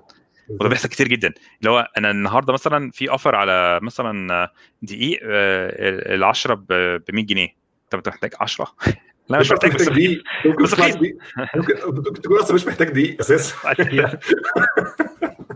اللي هو يعني يحسسك إن هي ال urgency وإن دي حاجة لازم تحصل دلوقتي وإنت ممكن تبقى عايز بكرة فتحس إنك يعني اوفر لك ما تشتريش أصلا. بس آه بالظبط. أنت مش محتاجها أصلا. آه لكن للأسف إحنا يعني بيضحك علينا بسهوله في الحاجات دي. طيب illusion of control دي برضه من الحاجات اللي إحنا اتكلمنا عليها شوية. لو عندك lottery ticket يا نصيب. واديتك واحدة وال group الثانية اديتهم نفس الفكرة ال ticket أو بعد خمس دقائق قلت لهم ممكن تغيروا ال ticket. يعني كل اللي عملته بس إن أنا آه، رجعت تاني. آه اديت ال option آه تحب تغيرها؟ وعلى فكرة اللي أنا هديها لك الجديدة إلى حد بسيط صغير غالبا أحسن في فرصة الفوز. دي بقى ما فيهاش بقى المفروض جدال. آه. يعني المفروض بقى جدال. هل تتوقع الناس غيرت ولا ولا ما غيرتش ال ticket؟ غيرت؟ بنسبة كام غيرت؟ أو يعني مثلا عشان السؤال هنا إيه بقى في كذا option واضح. نسبة الناس اللي غيرت ال ticket 0 17 9 آه، 49 ولا 62 آه، 62 صح. 62% من الناس غيرت التيكت. آه. طيب الفكرة في إيه؟ طيب ليه مش 100% هو ده ناس صح مش مش فكره مع ان هو يعني مفيش أي حاجة ارتبطت بيه يعني. هي ال ال الإجابة بتقول إن ال 62% ده المفروض أصلا يبقى 100% آه لأن نسبة النجاح أعلى حتى لو نسبة النجاح أعلى ب- يعني إبسلون. حاجة مش واضحة أصلا ليك بس هي أعلى فما فيش أي ضرر إن أنت تغير قال لك إن أنت للأسف في ناس كتيرة جدا طلعوا superstitious أو عندهم اخت... آه، اعتقادات خرافية اللي هو أصل الرقم اللي أنت اديته لي في الأول شبه تاريخ ميلاد مراتي فأنا هستمر بيه مع إنه هو أصلا مش آه، نسبته في النجاح أقل آه، بس هو مش بطريقة يعني objective أو منطقية أو أي حاجة هو كان سببه في ال- في الحاجة مالهاش علاقة باللعبة اللي بنلعبها أساسا. بالظبط بالظبط السؤال الجاي ده شائك شوية ومحتاج يعني مرجعية في ال conflict اللي موجود في أمريكا بالنسبة لل racial conflict بس يعني بسرعة مش هندخل مش هنخش في تفاصيل كتيرة مش هنخوض في تفاصيل كتيرة. آه، السؤال بي- بيسأل على إيه ال view أو وجهة النظر بتاعت آه، الناس من آه، أجناس مختلفة على الديسكريميشن أو ال- المشاكل اللي بتحصل لهم في العصور الحالية. مش بقى ال 400 سنة اللي فاتوا. هم بيبصوا بس على آخر 50 سنة أو آخر 40 سنة طلع إن معظم الناس اللي بتشتكي هم اللي شايفين إن آه، ال آه، يعني white respondents feel that the recent decades discrimination against white Americans surpassed discrimination against black Americans. فهنسكت على كده يعني حبيت أقرأ الكلام بالظبط عشان إيه؟ نوري إن الناس فعلا مش بتاخد في, في اعتبارها ده recency effect. هو طبعا بغض النظر إن ده غلط بالذات إن هو recently كمان خلي بالك إن ممكن يكون هو هو أكيد ما عاش ال 400 سنة اللي فاتت فهو ما شافش غير الجزء اللي هو experience هو- شخصيا يعني. و- ويعني هو برضه في كذا عامل مش هنخش في مواضيع المهم بس الفكرة إن الناس زي ما أنت شفت طريقة تفكيرهم اللي أنا مظلوم أنا victim بتحصل كتيرة. آه بغض النظر عن اللي بيحصل آه حواليك أو المعايير اللي هي ال objective مش مش subjective طيب السؤال ده لذيذ جدا بقى ده من الحاجات ال- اللي ممكن يعني نتغاضى عن عن العنوان بسرعة عشان هو بس joke يعني. بس الفكرة إن آه أنا وأنت مثلا في نفس المكتب في نفس الشركة وبنحاول نعرف هتبقى مبسوط لو تاخد كام. تمام؟ فتخيل مثلا معايا إن أنا قلت لك لو أنا تعال نشوف الأرقام. لو أنا باخد مرتبي 80000 في السنة وأنت مرتبك أو اللي حواليك كلهم 100000 أو انت بتاخد 80000 واللي حواليك بياخدوا 75000 تمام؟ فالفرق ما بينك وما بين اللي حواليك 20 أو 5 واضح؟ 20 أو 5 الثالث والرابع انت بتاخد 60000 بس اللي. حواليك بياخدوا 20000 فرق 40 فرق كبير. بس انت هتاخد أقل. خلي بالك. والاختيار الرابع انت بتاخد 60000 بس اللي حواليك بياخدوا 80000 آه. تتوقع الناس لو عندهم حرية تنفيذ البوليسي دي. انت لو في ايديك الاثوريتي أو السلطة ان انت تروح وتغير مرتباتك ومرتبات اللي حواليك بس دي الاختيارات. تتوقع الناس يعني مثلا بكرة الصبح هتصحى هتلاقي ناس في الشركة بتاخد كام وانت تاخد كام. أنا متخيل إن هي هتبقى رقم ثلاثة لأن الناس صح. بتحب الدفن هو عارف أنا بسميها سياسة ده ما يشوفش امه دي بالظبط نفس فكرة آه، الجيم برضو كان عملها بروفيسور في جامعة قال لك طيب يا جماعة إحنا في bonus question كل المطلوب منك تطلب بس إن أنت تاخد الدرجة. مش مش أكتر. لو أنت عملت yes I want the bonus question أو I want the يعني the the grade هديها لك ببلاش. مش هت... مش هتحل أي حاجة. يعني آه.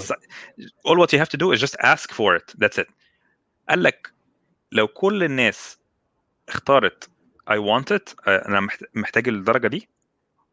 أو عفوا لو 50% من الناس اختاروا ال option ده ما حدش ياخد حاجة.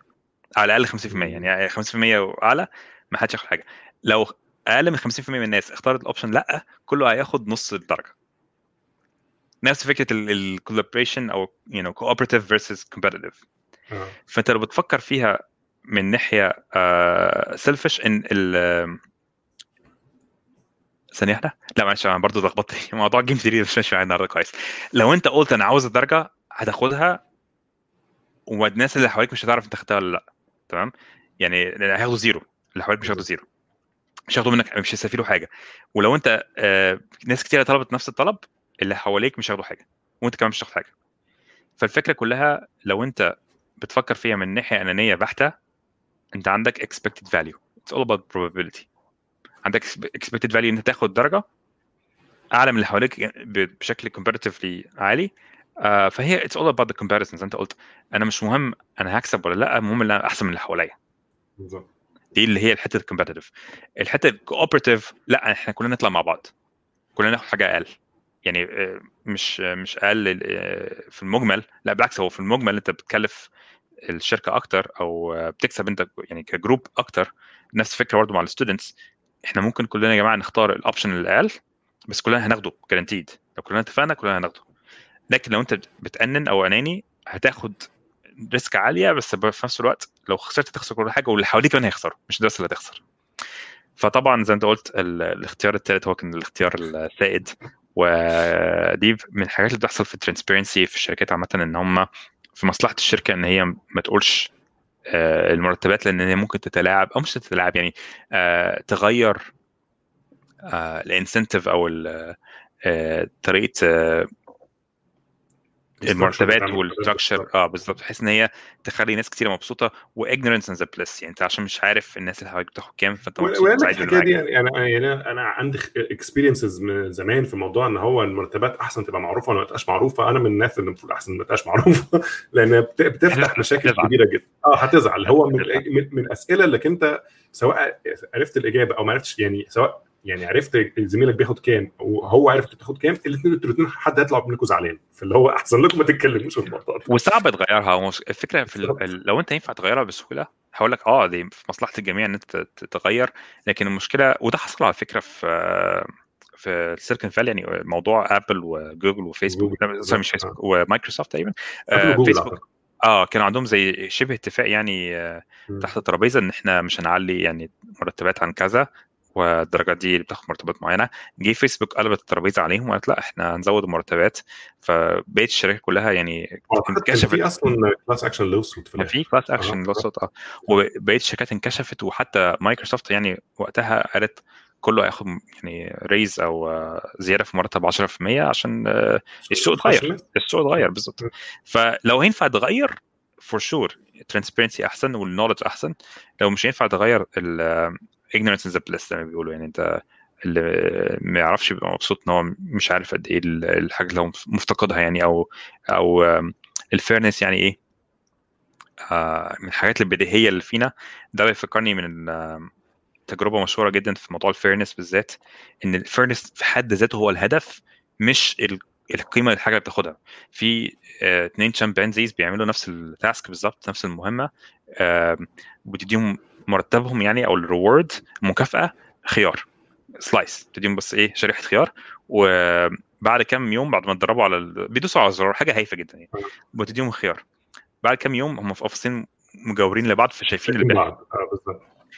ال scientist يعني أو ال- الناس اللي بتعمل ال experiment بدأت تدي واحد منهم وده على يعني يوتيوب انت ممكن تتفرج عليها. آه،. وقتي. آه. وقت يعني مش حتى اللي هو قاعد يفكر فيها.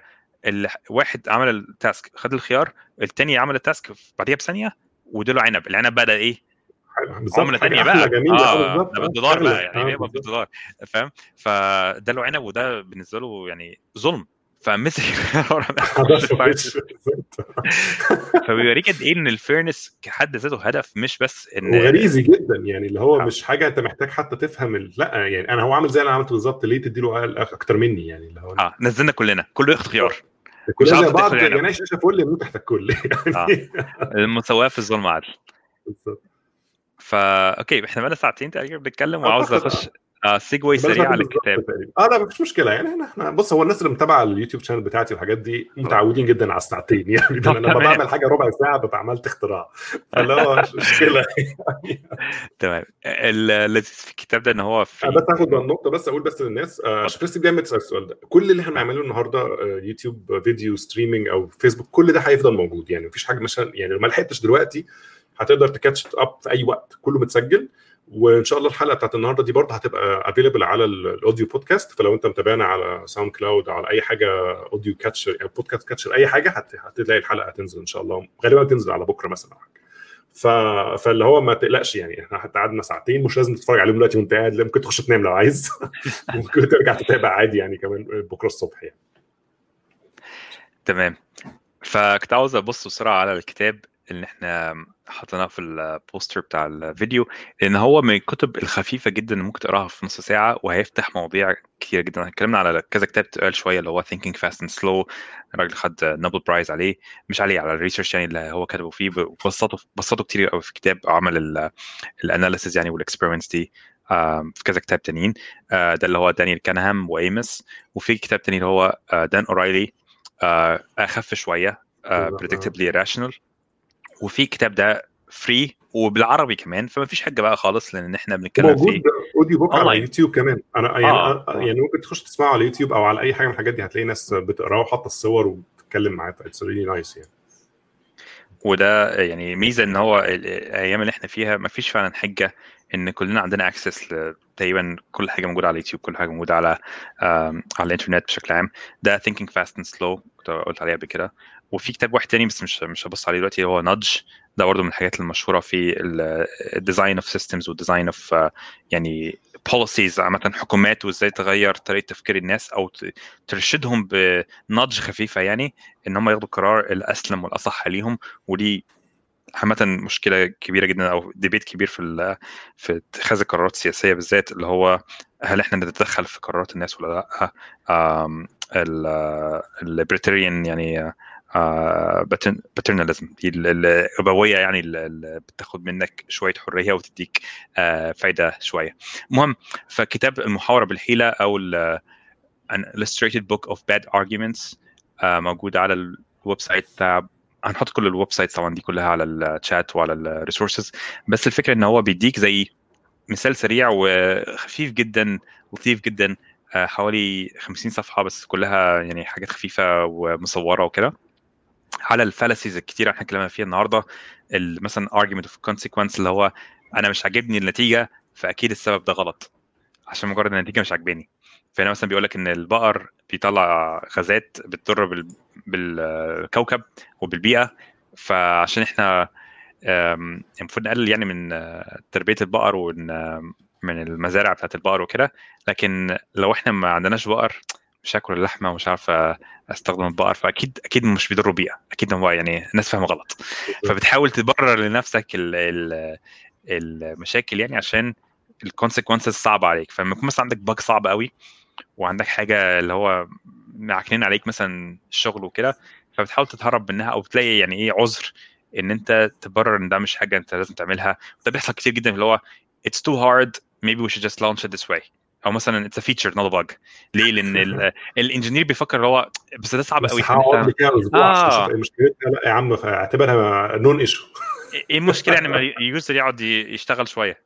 فاهم قصدي إيه؟ يعني الفكرة إن هو ال priorities اختلفت واللي بيسموه ال hierarchy of values أو ال value system بتاعك اتشقلب. بدل ما أنت المفروض تعمل حاجة delightful لل user وحاجة بتخلي ال user experience جميلة والناس تستخدم ال product بشكل أحسن أنت بت optimize for engineering happiness طب ما أنا كده ما استفدتش حاجة ما ال product هيفشل والناس دي هتفركش. فالناس ما بتبصش على ال consequences بشكل صح. ال straw man برضو من الحاجات اللي بتحصل كتير قوي في ال software أنا مثلا وأنت في debate اللي هو design review أو code review ف بتقول مثلا لأ أنا هعمل design pattern معين آه فأقول لك آه أنت عاوز تعمل بقى زي آه، كذا كذا واضحك على يعني اتريق على طريقة تفكيرك. أو مش طريقة تفكيرك كشخص لأ باخد الفكرة بتاعتك بشوهها عشان اتريق على التشويه مش اتريق على الفكرة بتاعتك شخصيا ليه ده بيحصل لأن أفكار أصلا وطريقة الحوار والكلام وأنا وأنت لما بنتكلم مثلا مع بعض دلوقتي اللغة هي طريقة توصيل اللي بيحصل جوه دماغي لودانك توصل لدماغك عشان تترجم الحاجة أنت ممكن أصلا يعني تكون فقدت 50% من اللي أنا عاوز أوصله لك في النص. فاللغة مش مش من أحسن طرق التفكير. يعني مثلا لما يكون في two machines بيتكلموا مع بعض آه البروتوكول بيعمل checksum ويوصل المعلومة ب integrity وكله زي الفل. فما بيبقاش حاجة في النص. it's structured way إحنا كلنا كل كل إقناعنا وحواراتنا unstructured وبنحاول يعني أوصل لك حاجة. آه حاجة لكن أنت مش بتتكلم عن حاجة نفسها. بالظبط. فالتشويه سهل. إن أنا آخد حاجة أقبحها. عامل إيه و... أشهر حاجة مثلا من الحاجات اللي بتبقى مشهورة قوي الناس اللي بتخش في ال debates مثلا ال scientific debates وبتاع اللي هو نظام يقول لك آه أنت مثلا تنظير التطور مثلا إن إحنا كلنا evolved من القرود مع إن هي ما بتقولش كده بس إحنا أسهل إن إحنا نقول حاجة غلط عشان نهاجم الغلط ونسيب الحاجة اللي, اللي إحنا يعني ونسيب النظرية الأصلية يعني. في الحاجات دي هتلاقي كتير قوي ال straw man arguments بتحصل كتير جدا.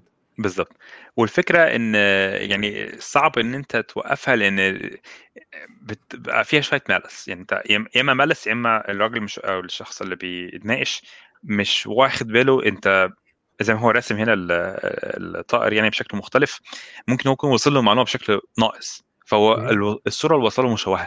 فأنت ساعتها تقف وتفكر هل الخطوة اللي هاخدها دلوقتي إن أنا أحسن من اللي أنا بعمله عشان الصورة الأصلية توصل للناس اللي حواليا ولا أبين للشخص اللي هو ضدي إن على فكرة في حاجة ناقصة وهو لو نيته صافية هيقف ويحاول يتعرف يفهم. يعني seek to understand بدل ما يقعد يدقق في الصورة بتاعتك ويشخبط عليها.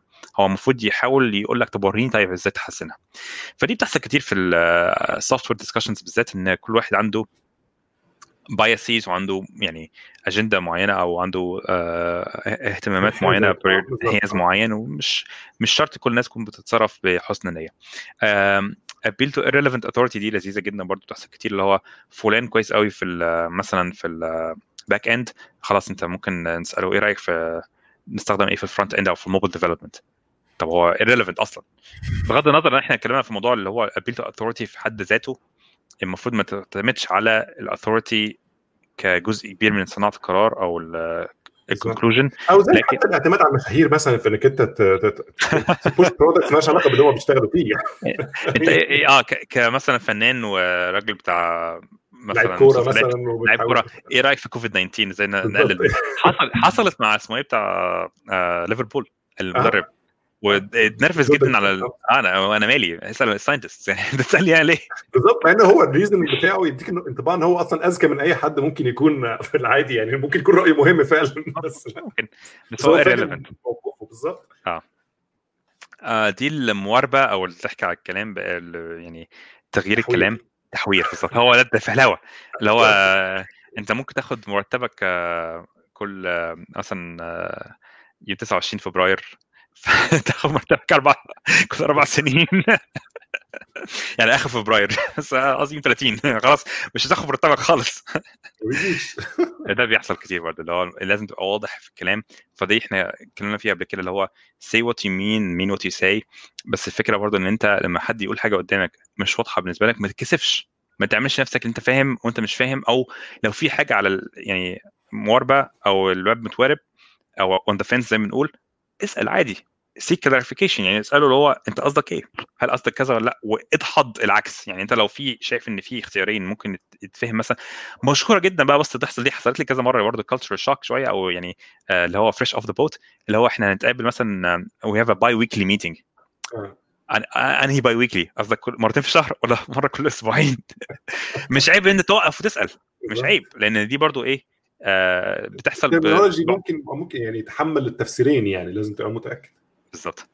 آه ال false dilemma دي برضو مشهورة جدا إنه فيها كذا interpretation اللي هو يا أنت مع إما معانا يا إما معاهم أو يا إما معانا يا إما علينا. اختيارات ثالثه يعني آه مفيش اختيار ثالث مفيش اختيار آه it's either A or B. بيسموها برضو white or black choice اللي هو آه أنا مثلا هديك اختيارين والاثنين أصلا ممكن تبص عليهم هم الاثنين صعبين وبحطك في مأزق يعني بس بس بزنقك في corner لكن الحقيقة أنت في ممكن تقف برضه تقف يعني يبقى ليك. موقف ثالث تماما أو موقف بالظبط. فالid ومفيش مش مشكلة يعني آه عامل زي يعني أيام مثلا آه، أمريكا مثلا بعد بعد 11 سبتمبر لما لما قالت آه. للعالم يا إما معانا يا إما ضدنا يعني يعني ممكن تبقى. لا معاكم في الحرب ولا ضدكم بس أنا واقف على جنب أنا سويسرا مش دعوة يعني حاسسك كنت هتتكلم عن الانتخابات السنة دي اللي هو أو أنت الانتخابات وده بيحصل آه. دايما ده أسهل حاجة في الانتخابات دايما في الحاجات دي حزبين. أنت تحزب الناس غصبا عنهم وكده وهو يا معانا مع التانيين ما ده اللي بيحصل دلوقتي يعني ده يا اما الحزب الديمقراطي يا اما الحزب ال- الجمهوري والاثنين وحش من بعض. بس هو ده الاختيار الوحيد اللي قدامك يا إيه يا بي اتكلمنا برضو في دي قبل كده اللي هي cause for a cause اللي هو لو في بين causation أو حاجة حصلت الأول فاذا اللي حصل بعديها هو النتيجة اللي هو post hoc ergo propter hoc دي مش مش مش بالضرورة وممكن يحصل حاجات زي ما انت قلت تسبب الحاجتين في نفس الوقت. مش معنى إن حاجة حصلت آه إن ده التسلسل الطبيعي هو ال causality link يعني أو ال causal link. appeal to fear ده بقى الانتخابات للصبح. اللي هو أنت لو ما انتخبتنيش آه هيحصل لكم بلاوي سودا وكله هيقلب ضفادع أنا والفوضى اللي هو نظام أنا والفوضى والحاجات دي أيوة. بالظبط. ال hasty generalization ده actually اللي بدأ بيه الحوار كله. إحنا اتكلمنا فيه اللي هو ليه أنا شفت آه آه، البندق شكله كده شفت خمسة يبقى كل البندق اللي في العالم شكله كده. أو أنا شفت مثلا حاجة معينة limited sample size يبقى افترضت إن بقية العالم كله ماشي بالطريقة المعينة دي. زي ال argument بتاع the black swan يعني كان في كتاب مشهور اسمه the black swan إن هو الناس كلها كانت متخيلة إن آه. آه إن ال swans اللي هو الوز اللي هو كله أبيض لغاية ما راحوا أستراليا اكتشفوا في وز أسود. عادي جدا يعني. مش مشكلة. بس black swan ليها برضو اللي هو الفلسفه بتاعتها اللي هي ال rare event ودي حوار بقى تاني. بس it's a very interesting thing إن هو فعلا سهل جدا to refute ال generalization كل ما مطلوب إنك تطلع ب example واحد بس معاكس بس خلاص عشان كده مش عايز دايما أنت شخصيا تقع في الغلط بتاع انك أنت يعني توعد بال generalization توعد بحاجة سهلة قوي إنها تفيد خليك دايما يعني. open آه. open آه. for إن ممكن يطلع حاجة ثانية it's fine for the most part يعني بدل ما تقول مثلا all أو each لا غير آه most most probably تغير ال vocabulary بتاعك شوية بحيث إن أنت تدي مساحة للشك وبتدي مساحة إن أنت ممكن تبقى غلط وبتدي مساحة حتى بيسموها intellectual humility بالظبط. علشان حتى يوم ما تبقى انت فعلا يعني ليك مخرج يعني عايز تميل. لا لا وساعات في في أوقات معينة ممكن تبقى فعلا متأكد 100% إن مفيش حاجة آه. زي كده. حاجات قليلة بس ساعتها تبقى ت make sense إنك أنت تستخدم ال term التاني. فيبقى ليك قوة. بدل ما يبقى كلامك كله كده. في TED Talk جامد جدا آه، بيتكلم على public speaking عامة أو speech عامة إزاي تحسن من طريقة كلامك. وتحسين طريقة التواصل communication skills. فهو راجل اختصرها في أربع كلمات آه، they spell out HAIL H A I L. قال لك honesty سهلة الأمانة في الكلام. الصدق يعني. authenticity إن تتكلم بنبرتك أنت مش قصدي نبرة الصوت يعني هو صوتك فأنت مش مختلفة قصدي أنت يعني ده طريقة كلامي كجيش أنا بتكلم بطريقة معينة اللي هي أسلوبي في الحوار ما تروحش تقط... يعني تقلد حد تاني مثلا وده خلاص ده صوتك أنت أنت يعني عندك your own style قال لك it's like standing in your own truth. أنت عارف أنت بتتكلم عن إيه استمر في الكلام ده بطريقتك الشخصية. و integrity إن تعمل اللي بتقول عليه فاللي هو do what you say say what you do. بحيث أنت مثلا ما تروحش آه، تعمل حاجة مخالفة مثلا ما ينفعش أقول يا جماعة كلنا لازم نكتب test cases وأروح وأختصر الطريق وما أكتبش test cases مثلا الكود بتاعي. واخر واحدة love love basically أنت ما ينفعش تبقى honest بس سخيف. اللي هو أنت شكلك وحش النهارده أنت ما استحملتش ولا إيه؟ هو يعني حاجات اللي هو ماشي هو it's honest it's authentic وكل حاجة بس ما ينفعش تبقى سخيف برضه. يعني الواحد لازم يحترم شوية زي ما قلنا ال pathos وال emotional intelligence يعني. فالكلمه اللي أنت قلت عليها دي مهمة جدا إن هو تطرق ليها وقال لك إن إحنا بنستخدم ألفاظ مبالغة زي awesome في الإنجليزي مثلا. when you see something that's truly awesome what would you say? خلاص بقى كلمة فقدت معناها ما فيش مصداقية خلاص. دلوقتي الم- اللي استخدمته كله باظ منك خلاص آه. يعني. اللي أنت كل مرة عامل زي هو the boy who cried wolf كل مرة بتقول حاجة اللي هو طب ما مش هصدقك بعد كده خلاص بقى كل لو أنت fantastic كل حاجة unbelievable آه. وكل حاجة مش عارف إيه فأنت ضيعت wow، كل wow. آه كل حاجة wow ف... فمع الوقت اكتشفت ماشي okay ما إيه لما تيجي الحاجة اللي wow فعلا هنقول إيه طيب؟ متأكد؟ آه 100% 100% تمام كله زي الفل.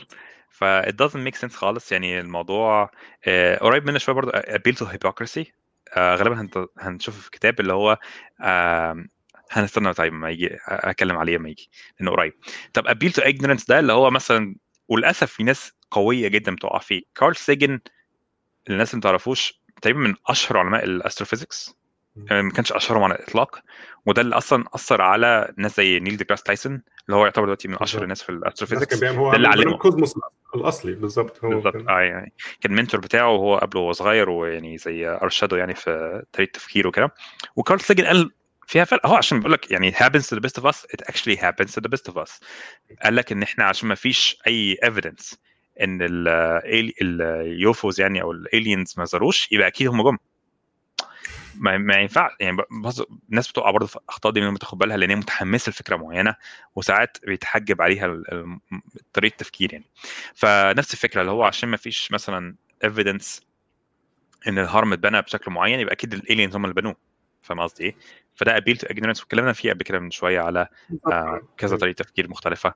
آه اتكلمنا كتير على ال no true Scotsman اللي هو آه بس آه، ده ما يعرفش AWS أنا قلت لك من شوية لا كل الناس لازم front end يعرفوا AWS أو كل back end لازم يعرفوا AWS وطب عندك آه إبراهيم ممتاز من أحسن الناس اللي يعرفوا back end example جميل جدا على ال programmers يعني يقول لك ان اغلب أيوة. ال programmers لك كل ال programmers socially awkward يقول لك بس لما فلان آه، بس مش socially awkward بس هو مش programmer مش قوي مش قوي آه مش بجد مش بجد. programmer بجد أي كلام يعني آه. هو هو. بيغير ال definition على مزاجه عشان يف- يفضل محقق ال fallacy اللي هو بيتكلم بيها يعني. بالظبط اللي هو برضو moving the goalpost أنت ممكن تغير ال- الهدف بتاعك. آه، أو تغير معيار آه، مع تغيير الزن يعني في في الحوار. ال genetic fallacy اتكلمنا فيها اللي هو أنت مثلا عشان والدك مثلا دكتور في الجامعة في المادة دي فأنت أكيد شاطر ما لهاش علاقة طبعا. آه، مع إن طبعا في ظروف تانية بس ما ينفعش تبني من مجرد ال- ال- النقطة دي بس. ال conclusion دي guilt by association اللي هو آه، نفس الفكرة اللي هو آه أنت ده مايكروسوفت product أكيد زبالة. طب هو أنت أصلا اتكلمت في الحوار ده يعني in isolation خدته مثلا قررت إن أنت إزاي أنت عرفت إن ده حاجة وحشة عشان طلع من مايكروسوفت. طب بص عليها طيب. شوفها طيب. يعني قارن أول ال- المعايير اللي هي ال objective قبل ما توصل لل conclusion لمجرد إن أنت بس إيه دي جاي عليها ال brand ده أو جاي عليها ال association دي أو ال- حاجة يعني دي حتى في حياتك العادية ال politicians بيستخدموها على طول. يعني دي آه. دي آه. يعني أسهل طريقة يستخدمها إن هو يعني attack ال group. بتاعه أو ال competitor بتاعه أو whatever ال rivals بتوعه بالأسلوب ده على طول أسهل حاجة. الفكرة مثلا إن هو اللي بيستخدموه هنا في كتاب تقريبا ال health insurance يعني نظام التأمين الصحي يقول لك آه إحنا زي بقى الدول الاشتراكية بقى. ما ينفعش تاخد حاجة من عندهم عشان تطبقها عندنا مع إن الحاجة دي كويسة جدا. بس عشان هي associated أو مقترنة ب group معينة مثلا أو طريقة تفكير معينة. معينة. هو ما بيقولش مثلا اشتراكية يروح يقول لك ال communism لأن هو عارف مثلا في آه. أمريكا إن ال communist ك- ك- ك term very sensitive يعني هو يعني. آه، بالظبط ودي بتاعت الكركديه أيوه ده عشان ضغطك آه، آه، زاد أو قل أي حد ضغ- ضغطه واطي. كده. آه، دي بتحصل كتير قوي في يعني آه بتحصل كتير جدا في في conclusions يعني ما لهاش علاقة خالص باللي بيحصل.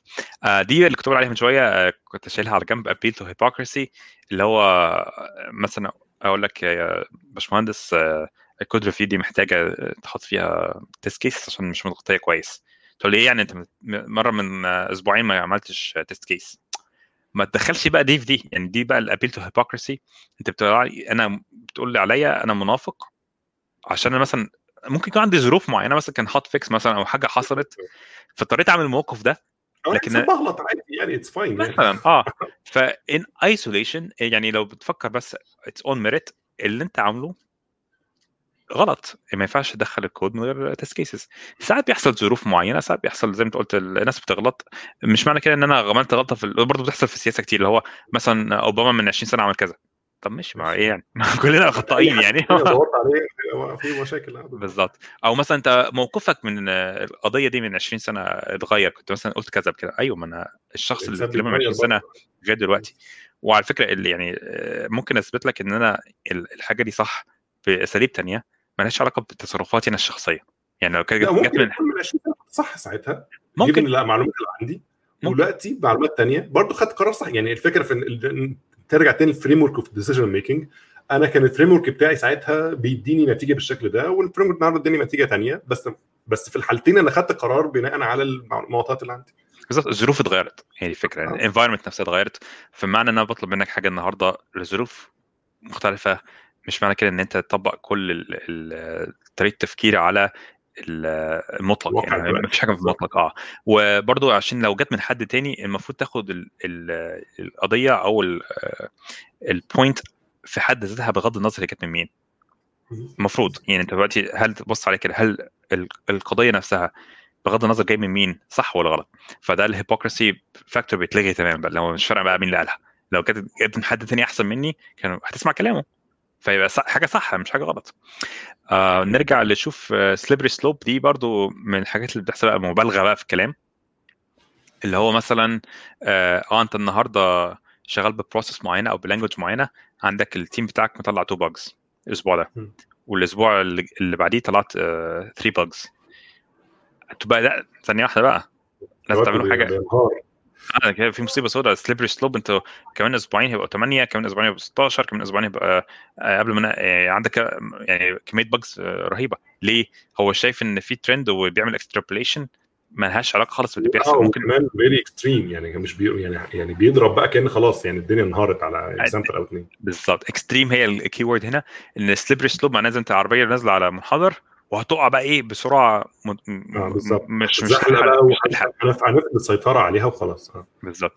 فدي برضو من الحاجات اللي هي يعني المفروض لما تلاحظ بيحصل نقاش زي كده مثلا في meeting أو في اتخاذ قرار اللي هو آه. what's your evidence ما ينفعش تعمل ال extrapolation extrapolation بشكل unbounded بالشكل ده.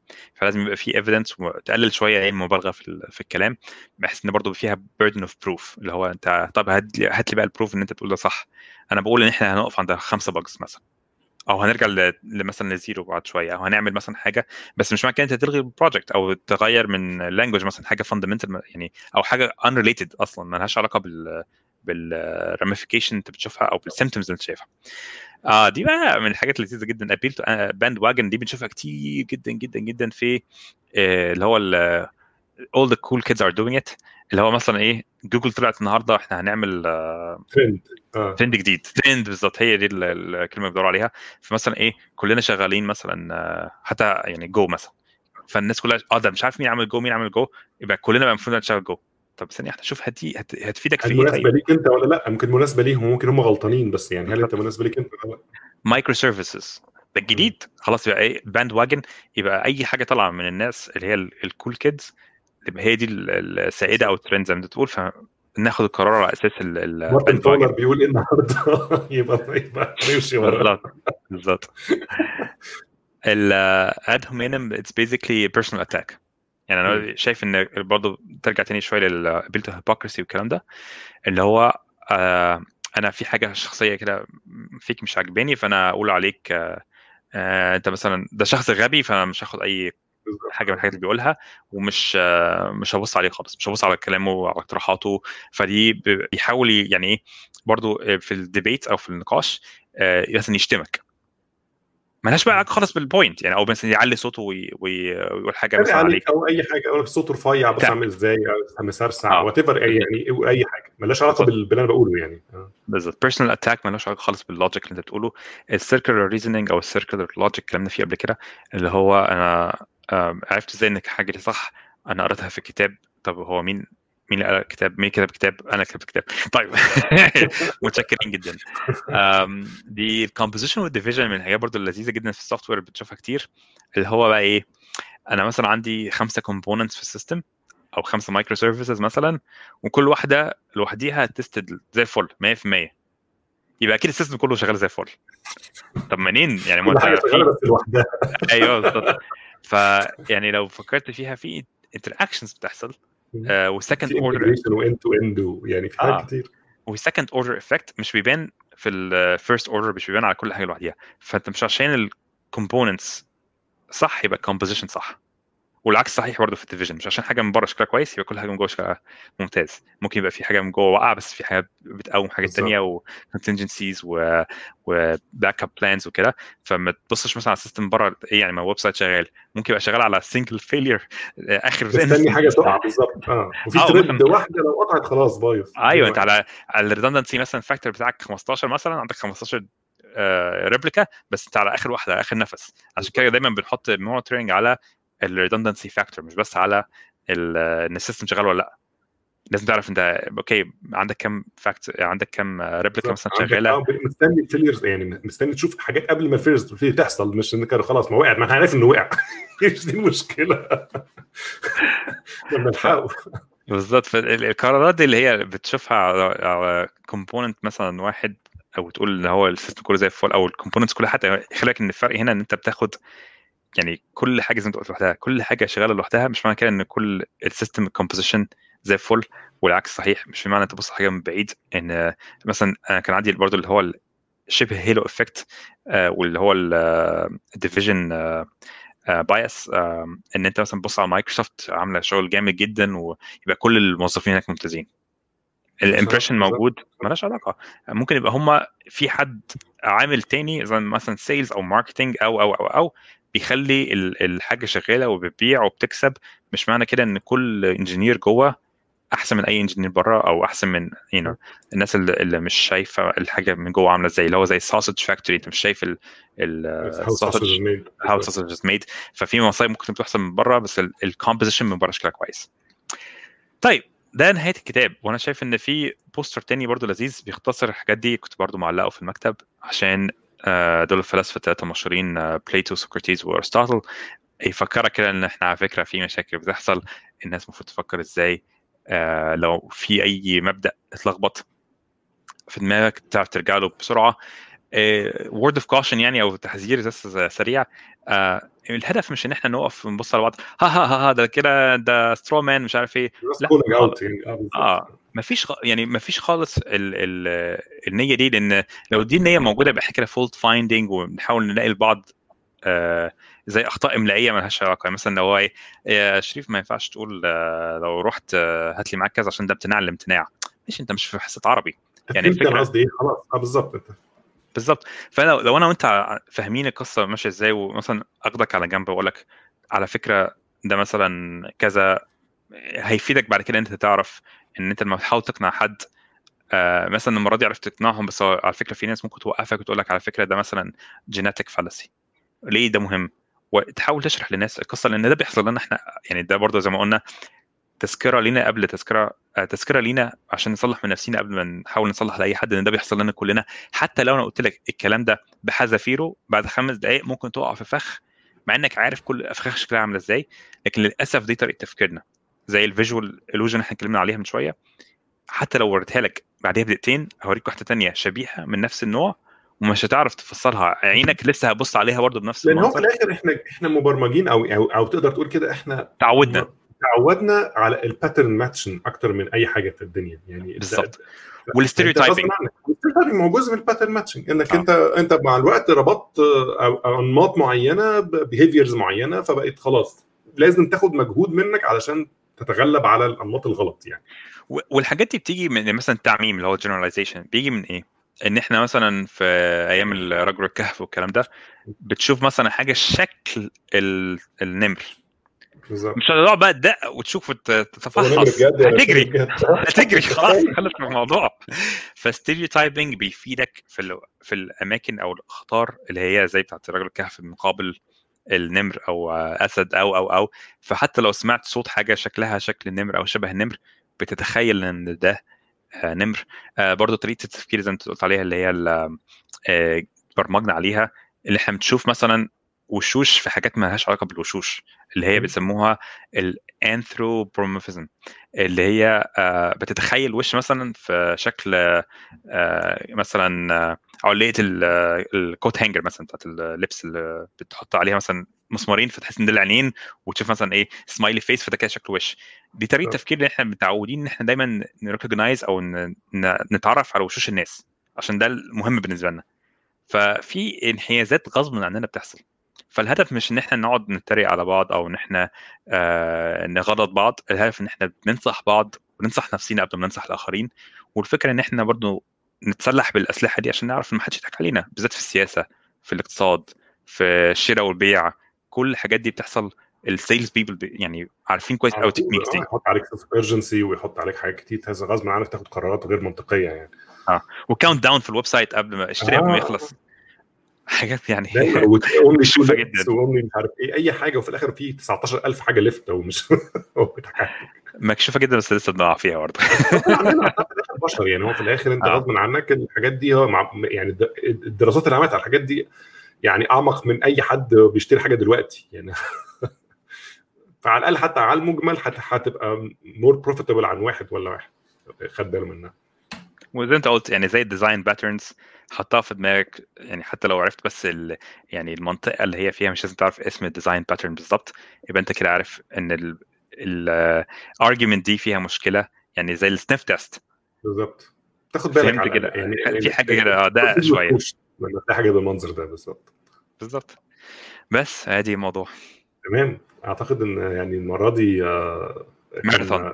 ماراثون بالظبط بس بس أعتقد إن كان حاجة من الحاجات اللي هو إيه لازم على الأقل تاخد زي ما قلنا لازم على الأقل تكون بصيت عليها مش لازم أكيد مش هتعمل دكتوراه في الكلام ده ولا لا. هتبقى واخد بس على الأقل كويس إنك أنت تبقى عارف الحاجات دي you can call it out في حاجات كتير جدا بتشوفها بالذات حاجات زي ال straw man argument دي بتحصل كتير جدا.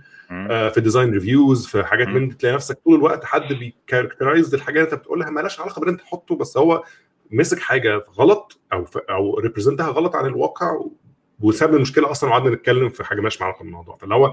sometimes بس إنك أنت ت recognize إن ده حصل وتقدر بقى تشوف ال counter arguments الحاجات دي إزاي إزاي ترجع للمشكلة الأصلية. لأ يا جماعة خلينا نرجع لأ ده ملوش إحنا ده بنتكلم في حاجة فلانية. تحاول دايما تراجع عشان أنت خدت بالك إن ده straw man argument يعني ف... ف... ففي حاجات من دي كتير هتقابلها في حياتك وفي شغلك وفي... وفي... أو حتى في تربيتك مع أولادك. حاجات كتير الوقت بتحصل آه.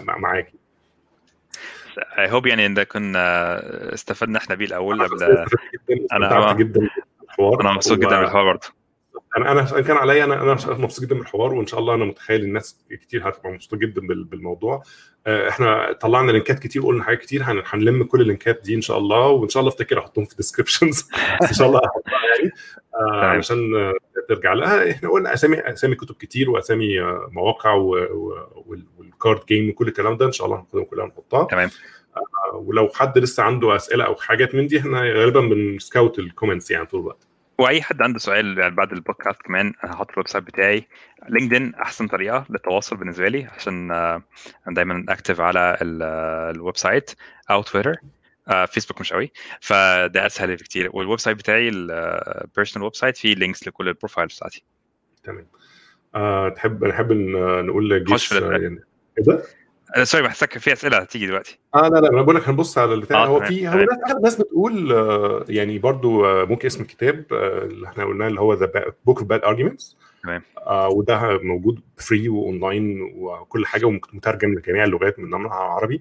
ومن وكان وأنا حطيت link في ال في, ال في وإحنا بنتكلم في ال في ال comments هتلاقيها لل audio book بتاعه بالإنجليزي على يوتيوب فأنت ممكن مش عايز تقراه ممكن تبقى بتسمعه أو تتفرج عليه كده وأنت قاعد.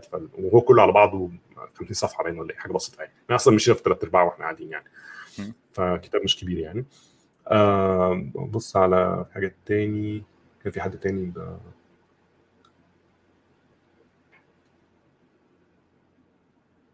في حد بيقول مثلا talking about cognitive biases usually we don't listen to newbies because their ideas are more likely to be relevant and listening and evaluating every single one will cost a lot of time مش عارف اذا كان هو مع ولا ضد هو غالبا ما بيحبش ال- هو مبدئيا النوبي. مبدئيا ان هو بي يعني آه.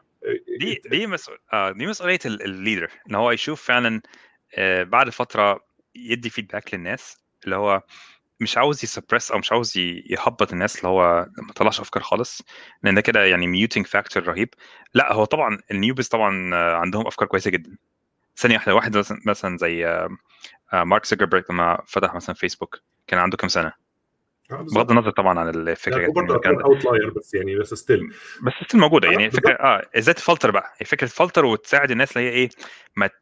ما تخليهاش برضو كيارك غوغاء وما تخليهاش برضو إيه حكم عسكري. اللي هو أنا بس اللي هتكلم وأنا بس اللي عندي الأفكار.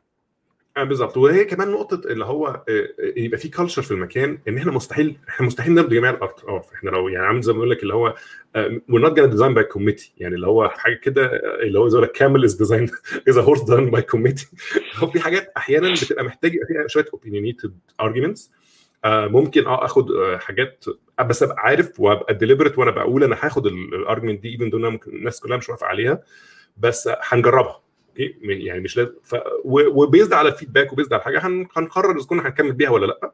بالظبط. آه، بس ساعتها بيبقى محتاج عارف ال concept اللي بيسموه في امازون أو من leadership امازون اللي هو disagree and commit إن أنت ممكن بالظبط. ممكن أعترض أو ممكن عندي اعتراض على على على الفكرة بس ما دام اتفقنا ما دام قلنا خلاص even though أنا عندي اعتراض عليها خلاص أنا بقيت 100% committed إن أنا هنفذ الفكرة معاكم مش هبقى كمان هدفي إن أنا أفشلها. يعني يعني خلاص آه، وقت الاعتراضات خلص دلوقتي إحنا في وقت التنفيذ. وزي ما قلت لك إن هو ال- الفكرة fail fast يعني ليه ليه أصلا الفكرة كاوتك وبتاخد زي ما انت قلت يعني وقت كتير. ليه ليه ما يبقاش مثلا في marketplace للأفكار وينفع تنفذ الحاجة بسرعة وتشوف النتيجة بسرعة؟ مثلا من الحاجات اللي جوجل بتعملها اللي هو لو عندي موديل عاوز أغير في ال search engine بيوصل نسبة معينة من ال traffic بسيطة جدا صغيرة جدا بس كافية إن هي تطلع لك results على ال machine بتاعتك وأنت قاعد. بالظبط على developer machine بحيث أنت تشوف results بجد وتديك ال- ال- طالما في infrastructure زي ما اتكلمنا في LinkedIn مثلا. أنا عندي فكرة وهغير ال ranking system بتاع news feed أي حد ممكن يطلع بفكره بيطبقها في يومين تطلع أسبوعين مثلا. هو كده كده ده يعني free time هو مش بيعمل حاجة الأسبوعين هو بس سايبها تشتغل.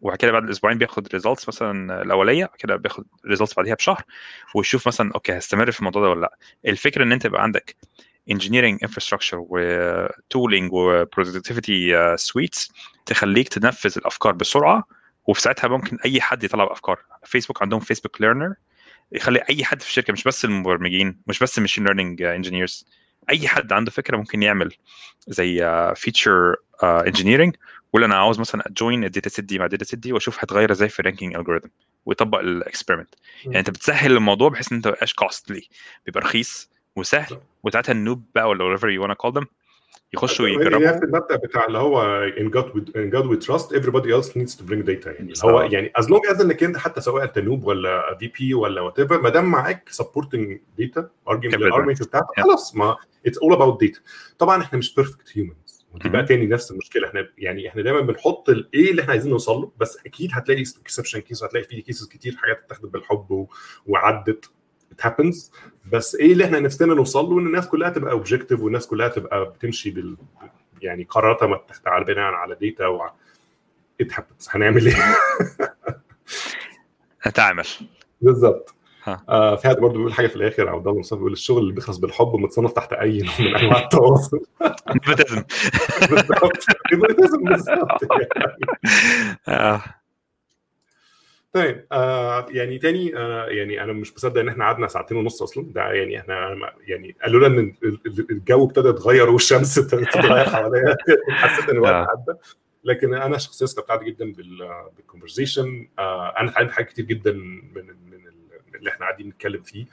آه هرجع تاني أبص على مصادر والكتب وأبص فيها تاني لأن حاجات كتير غصب عننا كلنا بنتعامل مع بالذات بالذات في ال positions كل ما بتتقدم في position أكتر بيبقى أغلب شغلك تعامل مع ناس وتعامل مع decision making وبتاع آه، غصب عنك بتغلط الغلطات دي. فأتمنى. إن الناس برضه تهتم بال- بالموضوع ده. مش هو مش موضوع technical لكن هو موضوع مهم في حياتك بشكل عام يعني. و- والتاني أنا متشكر جدا لمحمد الجيش يعني إن هو قرر ياخد مبادرة أصلا يعني هو ال هو ال approach وهو قال أنا عايز أتكلم في الموضوع الفلاني. فاللي هو أنا الصراحه ما كانش عندي حجة. لأن أنا عاده يعني بيبقى عندي أفكار كتير بس الكسل بقى وال... وال... بضيع حاجات كتير بالمنظر ده. بس المره دي الصراحة كان يعني فرصة ما تتعوضش. وإن أنا أصلا أقعد مع محمد الجيش تاني دي فرصة ما تتعوضش. ربنا يخليك. آه، ربنا يخليك يا باشا. أنا سعيد آه. جدا. شكرا. كان. كان آه، يعني طلة لذيذة جدا وانبسطت جدا بالحوار لأن فعلا من أهم الحاجات اللي إحنا بنفكر فيها طريقة التفكير. ودي آه، من الحاجات اللي قريبة قوي من قلبي وأنا مبسوط جدا إحنا يعني آه، فعلا عرفنا نوصلها بسرعة قوي. إحنا كده امبارح وتقريبا أهو بسرعة. بالظبط إحنا يوم إحنا أقل من على 24 ساعة. يعني إحنا آه. يعني إحنا كنا يعني ابتدينا نرغي امبارح في الموضوع ده كان بالليل الساعة 9 بالليل أو 10 بالليل حاجة زي كده وطلعنا أيوة. هو يعني بقى أقل من 18 ساعه هو موضوع مهم وزي انت قلت يعني ال- الناس فعلا محتاجة على الأقل تعرف إن هو موجود وتعرف إيه المصادر وتخش شوية يعني بالتدريج كل حاجة بالتدريج بتاخد سنين آه، عشان تشوف الأدوات دي. كل آه يعني لو لو كان حد اداني البودكاست ده مثلا 10 سنين والله كنت مبسوط جدا.